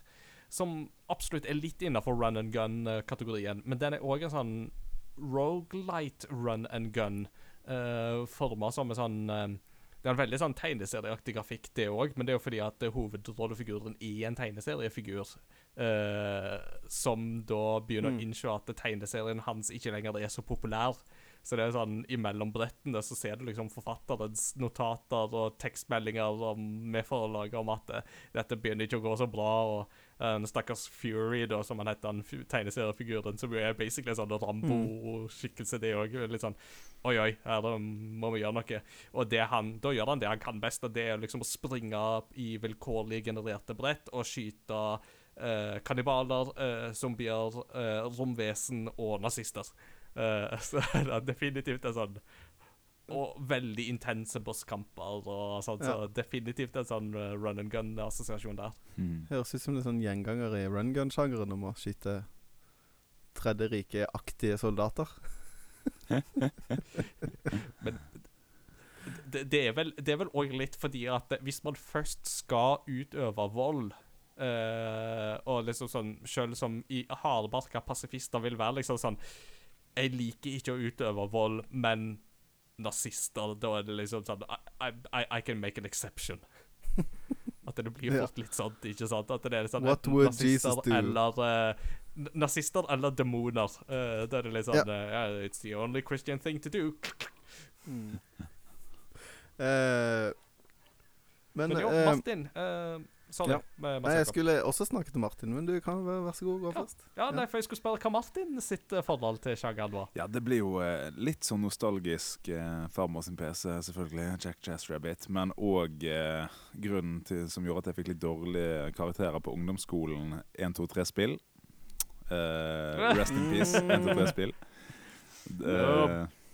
og for så vidt eh, Altså, det var jo grunnen til at jeg fikk eh, en del inntrykk fra gaming, fordi eh, det var før vi fikk ting hjemme, da. Men Mm. eh, der er det et spill, Heli Attack. Det var sykt gøy, altså.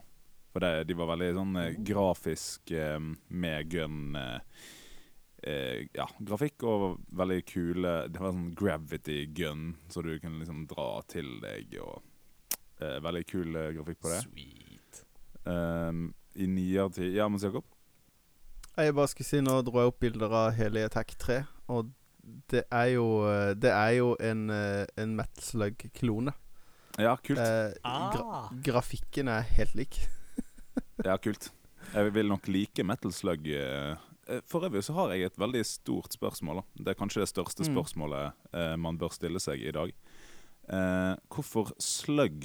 Er det, noe, er det masse snegler med i dette spillet, eller? Mm. Det kan jeg svare på. Ja. Eh, eh, for å svare seriøst på et tullete spørsmål ja. eh, Det kommer jo av eh, eh, slug som i Det er jo det som er igjen. Når en kule har truffet noe, så kalles det for en metal slug. Da blir det kalt for det. Mm. Ja, det Ah. My Lots of mind is bullets. enlightened. Yes. Today we learned. Today Det hadde vært veldig gøy å se parodispillet Metal Slug. Ja. Eh, Med gjerne litt den der eh, slammer uh, pog-typen slug, hvis dere husker de. Mm. Som hadde sånn nasty, Nice. nasty bilder. Sånn i metall. Ja. For jeg så for det- meg ja, bare masse sånn metallsnegler som du skulle skyte, da, eller noe sånt. Men uh... Sånn met Metal Mario-snegler. De går enda Ja. seinere enn de pleier. Dun, dun, dun. ja.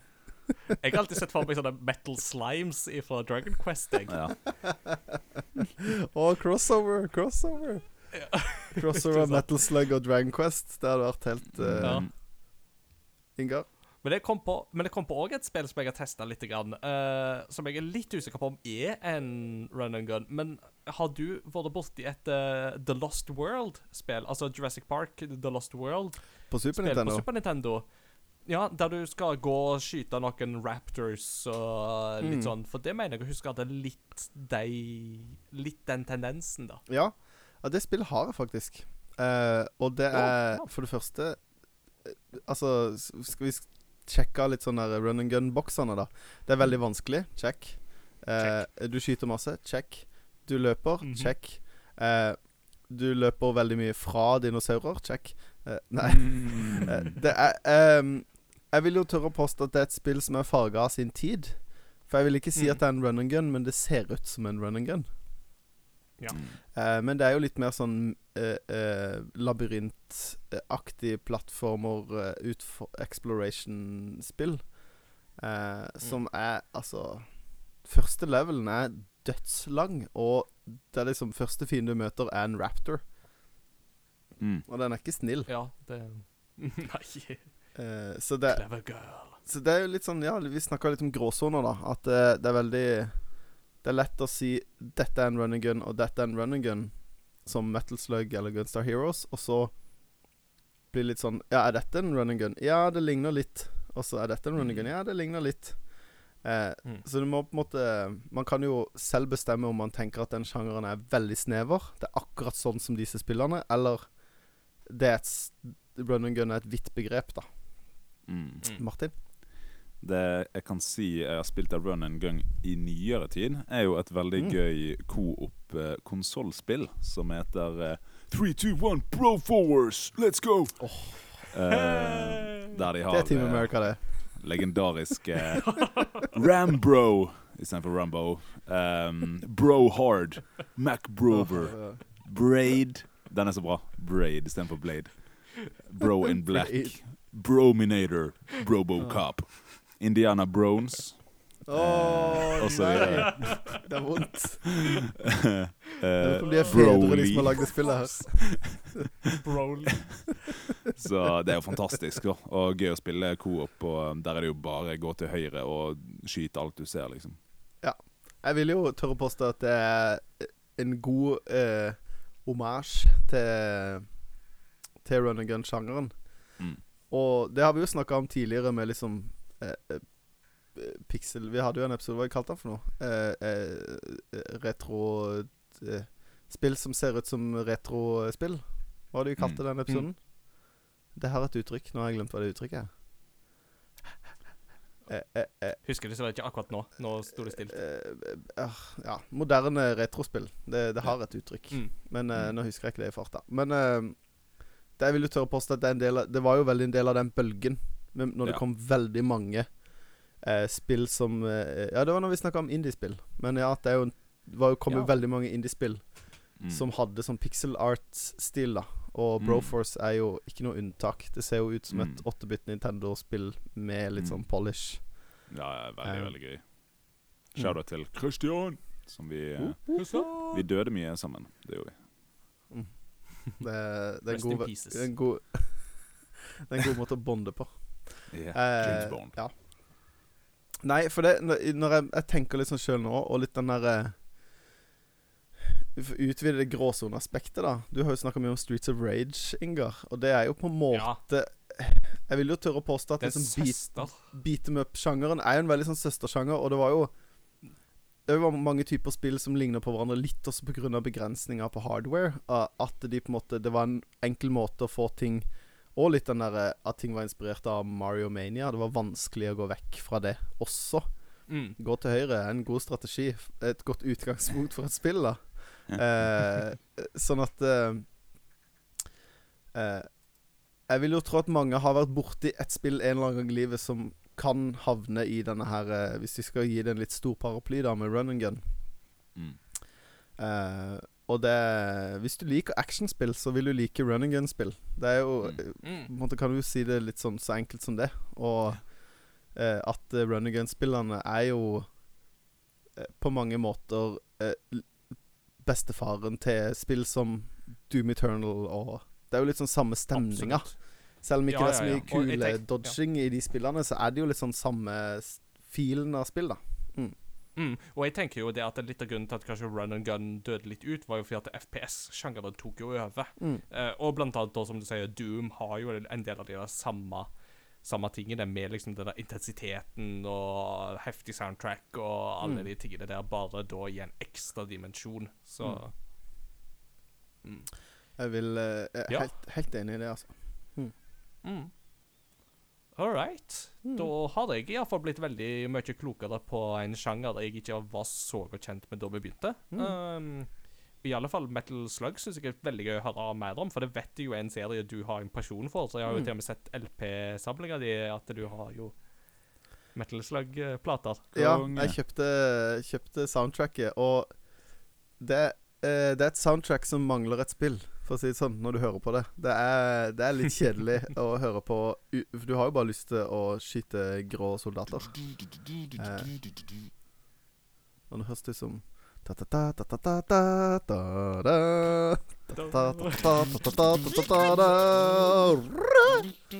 Lag oss Lage en metal-versjon av Pokémon. Det er jeg med på. Det er garantert noen som har gjort det. da må vi jo kunne få Metal Slugs, eller i alle fall Metal! Ditto. Det må jo være bandet til metal cover-bandet til Metal Slug. De heter vel bare Metal Slugs? Eller Ja, Heavy ja, Metal ja. Slugs, eller et eller annet sånt. Lett. Nice. All right. Da tror jeg vi wrapper opp eh, temadelen. Men eh, da har vi iallfall blitt um, mye klokere. Og jeg håper at uh, lytterne som ville ha en uh, Metal Slug-episode, har uh, fått uh, kose seg med masse nostalgisk, eh, kult innhold. For dette er en hebreke pachinko-kontroller til Super Nintendo. It's curiosity. What are you gonna show to me? It's curiosity. What a neat thing to know. It's curiosity. What are you gonna show to me? I haven't even heard of it. What a neat thing to know. It's a great the show. All right. Mats Jakob, du var jo godt i gang nå med å uh, lede samtalen, og det skal du få lov å fortsette med, for du har kuriositeten i dagens episode. Ja, jeg fikk æren av å ha kuriositeten i dag. Og uh, kuriositeten i dag kommer rett og slett av uh, Jeg så på en YouTube-video. Eller eh, ikke en YouTube-video. For veldig lenge siden. Eh, for de som husker den eh, eh, togulykken av en, udlykke, eh, av en episode med Christian hadde, alene uten Ingar, hvor vi da eh, gikk litt sånn Det var litt sånn fri form på den episoden. Ja, vi savna ypperstepresten vår. Eh, men da begynte meg og Christian å snakke om å sitte og høre på eh, musikk. Eh, hvor vi da klippa inn litt musikk. Og jeg snakka en del om en, eh, en fyr som kaller seg for Switched On. Og, og han har da lagd et par Det er sånn mellomting mellom remix og bare liksom eh, At noen har sittet og kosa seg med et spillsoundtrack. Men han har da tatt eh, de to som han har gitt ut. Og de ligger på eh, Apple Music og Spotify og sikkert Tidal og alt mulig.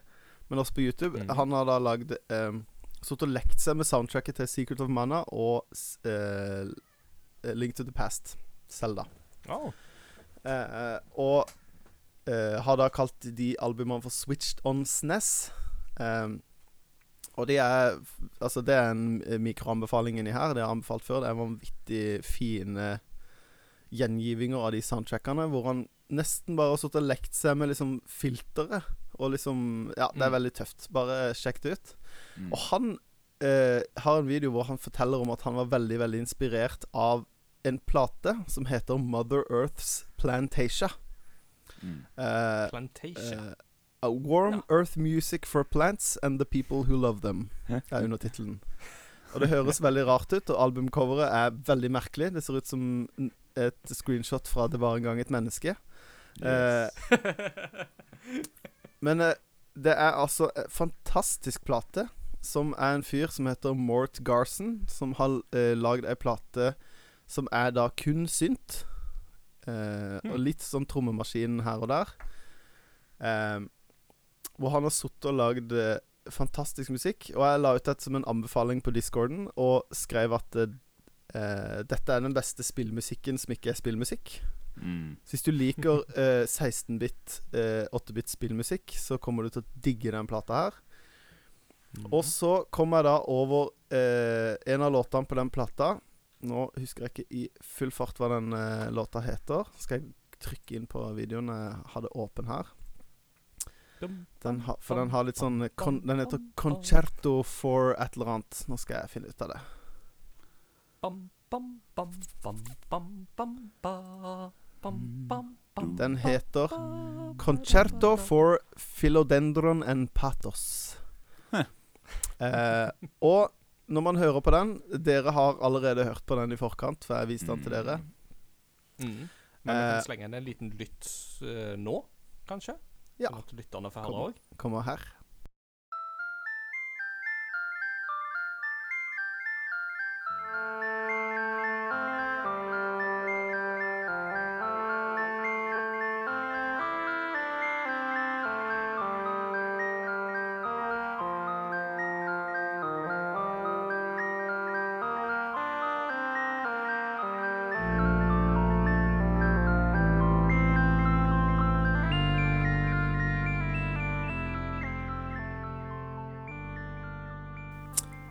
Og der hører man da Det hørtes litt kjent ut. ba, ba, ba, da, da, ba, ba, ba. Hørte før? Mm, Mm, det ligner mistenkelig mye på Seldas Lullaby. Og eh, jeg har jo gravd litt i dette i ettertid, men eh, når jeg hørte dette, så tenkte jeg What?! Er det en uh, liten uh, japansk komponist som har blitt litt vel inspirert? Eh, og det har jo vist seg at det er jo tilfellet. Eh, at denne har eh, personen som heter så mye som eh, eh, Nå har jeg glemt det. Koji Kondo. Koji Kondo, ja. Eh, og måten jeg fant, fant ut av det på, var fordi at eh, første kommentaren på Eller en av hovedkommentarene på en av de videoene jeg så på, eh, sto det sånn Reasons you are here. Og så var det punkt én. Du har oppdaga at Koji Kondo var inspirert av denne plata. Eh, nummer to. Du elsker planter. Nummer tre. Eh, you're high. Ja. Og det er litt sånn der eh, jeg, jeg skjønner alle kommentarene. Det er det som er så vittig, for det er litt sånn eh, Enten så har du kommet over den plata fordi du digger planter, eller fordi du har hørt at Koji, Koji Kondo var litt sånn åpenbart inspirert av et, vel, et ganske ukjent verk, egentlig. Mm. Kult, kult, kult. Eh, eller du bare er litt sånn keen på noe mellow musikk. For det er, her er sånn Mm. Ofte når jeg sitter og jobber, så setter jeg på eh, forskjellige versjoner av Chrono Trigger soundtrack, soundtracket, for jeg syns det er sykt avslappende å sitte og høre på. Eh, Mhm. Fins liksom fire-fem flotte gjengivelser av det soundtracket som ikke er liksom bare OST-en. Eh, men det her soundtracket gjør tjener akkurat samme nytten for meg. Og da, det er også et Mm. godt tegn på at dette her er spillmusikk som ikke er spillmusikk. For det er musikk som er veldig fin å lytte til, men også fin å bare ha der i bakgrunnen. Absolutt.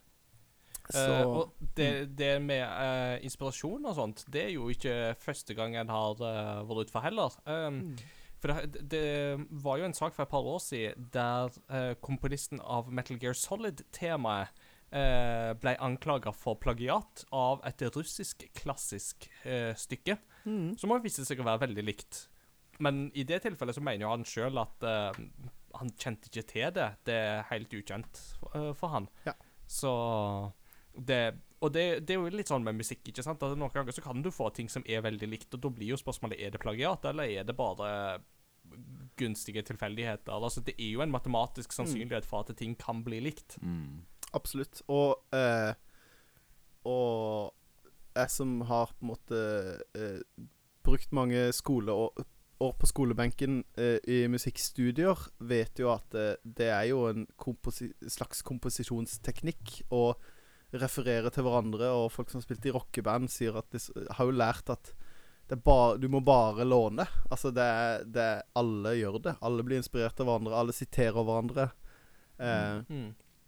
Det er, det er lov, da. Og det her er ikke Jeg vil ikke si at det her er direkte plagiat, for dette er ikke hele temaet. Det er en, et motiv i temaet som er Eller en slags idé som er tatt videre, og, og det er ikke Det er jo ikke det samme, men det er Nei. veldig synlig når du kjenner Seldas Lullaby, så, kjenner, så merker du med en gang at ah, her det, det hadde vært veldig rart hvis det var et, dette var et helt ukjent uh, stykke musikk for Koji Kondo, da. Da hadde Mm. du begynt å Kunne du begynne å snakke om Er, er det sant, liksom? Men eh, Ja, det hadde blitt Martin? veldig feil hvis det gjaldt liksom alle sangene til Kondo. Sånn der eh, Song of Storms og Selda Zelda Main Theme og alle de temaene var på den platen for Plants, holdt jeg på å si. Da hadde det vært uh, ganske feil. ja. Mm. Men det er jo ikke det. Da hadde det blitt ja. ganske, ganske rart. Mm. All right. Artig Nei, så det er min, kuriositet, eh, det. Kuriositet. Mm. I liked it. Det, nå må jeg høre på resten av plata. Uh, Mm. Hva var det plata hette nå igjen? Husker du Det, det var Songs for Nei, eh, Plantasia var det, ja. Den, ja, Det enkleste er bare å søke på Plantasia, men Den heter Mother Earth's Plantasia. Riktig. Mm.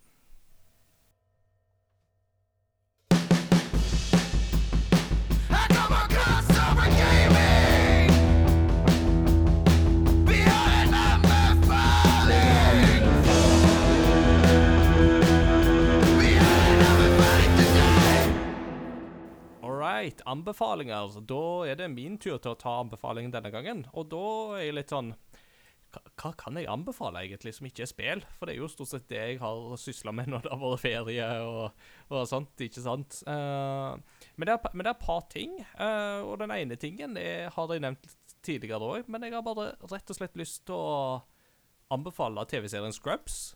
Uh, som jeg og kona sitter og ser på nytt nå, og er nesten ferdige med. Og det er fortsatt en fantastisk bra komiserie som er holder standard, så både med tanke på humoren, men òg med tanke på på en måte eh, innholdet, med tanke på medisin og, og sånt, så er det Ja, det, det, det er rett og slett en veldig veldig god serie. Og, og i den forbindelse så kan en jo òg skyte inn podkasten Fake Doctors Real Friends eh, med eh, Zac Braff og Donald uh, Faisal, som jo Faison, som spiller hovedrollene. Altså, eller de spiller jo um, JD og Turk i Scrubs.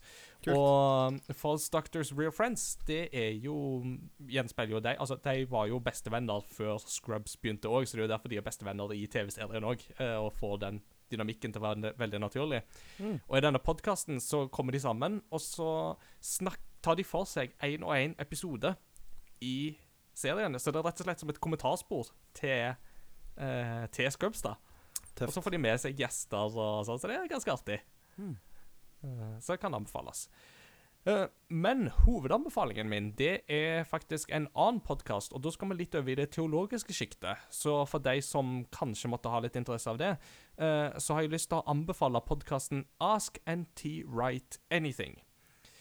For å gi litt kontekst, NT Wright er jo da en av de eh, største, mer kunnskapsrike nytestamentlerne vi har i dag. Han er annet kjent for det som de kaller for New Paul Perspective, eh, som ikke egentlig er et nytt perspektiv på Paulus. Det er egentlig mer bare et sånn forsøk på å altså, komme tilbake på en måte inn i på en måte samtidskonteksten i Det nye testamentet. Og det er jo det som er N.T. Wright sin store styrke, at han er veldig god på first century eh, middelhavskulturer, som Romerriket, Grek, eh, Hellas og palestinske områdene på den tida der. Og ja. Han er veldig dyktig på det, så han har skrevet masse gode bøker. Eh, og han har jo tidligere òg vært eh, Jeg lurer på om han har vært biskop, eller iallfall jobba i Den anglikanske kirke. Han er vel egentlig fra Skottland, om jeg ikke husker helt feil. Og podkasten Ask NT Write Anything er rett og slett det det høres ut som. Det er folk som stiller han helt åpne spørsmål om himmel og jord og alt som er imellom der, og han svarer som en skikkelig koselig britisk bestefarsskikkelse på disse tingene. Tar det helt seriøst, eh, men med et litt sånn lunt smil om munnen og sånt, og det er liksom ikke ja, altså jeg, Av og til så kommer de med sånne gullkorn som En gang så er det jo noen som spør Tror du at Paulus var autist, eller var liksom inne på dette autismespekteret av et eller annet slag der, og NT Wright svarer ganske ærlig og åpent og konkret at I do not believe Paul would have a diagnosis, but I do believe he was a high maintenance friend. Mhm. Høres bra ut. Og det, jeg synes bare det er veldig sånn Ja, det høres veldig riktig ut. Jeg tror faktisk at det var tilfellet. uh, så ja. Så jeg vil rett og slett bare anbefale podkasten Ask NT Write Anything, som du finner på podkasttjenester du hører på. Jeg hører på Spotify sjøl. Og det er ikke lange episodene. 30 minutter, kanskje ish. Og det er en 40 episoder som ligger ute nå allerede. Og det kommer litt sånn nå og da. Så anbefales. Cool. Det var det, og da er vi kommet til postludiet. Og Martin, da er jeg veldig spent på hva du har med til oss i dag. Yes. Da tar jeg opp en eh, skjult skatt fra det jeg mener er en av de mest eh, undervurderte soundtrackene til eh, Nintendo 64. I hvert fall en av mine favoritter. Og er dere kjent med navnet Kenta Nagata? Ja, han har iallfall jobba noe på Wind Waker, mener jeg, i lag med Hajime Wakai. Men det er jo ikke um, på 1964, det, da. Um, Stikkord Nintendo, ja. Nei. Har han jobba på Majora's Mask? Er det Majora's Mask vi skal til? Det blir Og Mario Kart 64. Welcome to Mario Kart! I'm a Wario, I'm a gonna win. Um, veldig, veldig veldig gøy soundtrack. Åpningstemaet er jo dritkult òg, da. Så det sto mellom de to. Uh, men eh, Rainbow Road det har en sånn eh, Ja, det har noe eget ved seg, altså. Jeg hørte jo på den 30 minute version av uh, denne sangen mens jeg uh, spiller andre ting, liksom. Så den kan gå Er det ikke så lang tid det tar å spille gjennom Rainbow Road eh, i 64? Hvis du har sånn ni runder. mm, Eller mer. Det tar lang tid. Yes. Ja. Med mindre du kan eh, er god på å hoppe over uh, baneledgene der, da. Mm. Det feiler, Yes. Jeg feiler på det hver gang. Så det blir mye sang. Eh, for meg. Ja. Spørsmålet da er skal vi til originalversjonen, eller skal vi til Mario Kart 8-tolkninger? Det blir 64-versjonen, altså. Mm. It's the best. Nice, it is truly best. Men jeg må gi en shout-out til Mario Kart 8-utgaven òg, Ja, med ja, ja. liksom skikkelig blåseorkester og det, det Åh, det er noe utsikt. Ja, den òg har en fin åpningssang med bassjokking.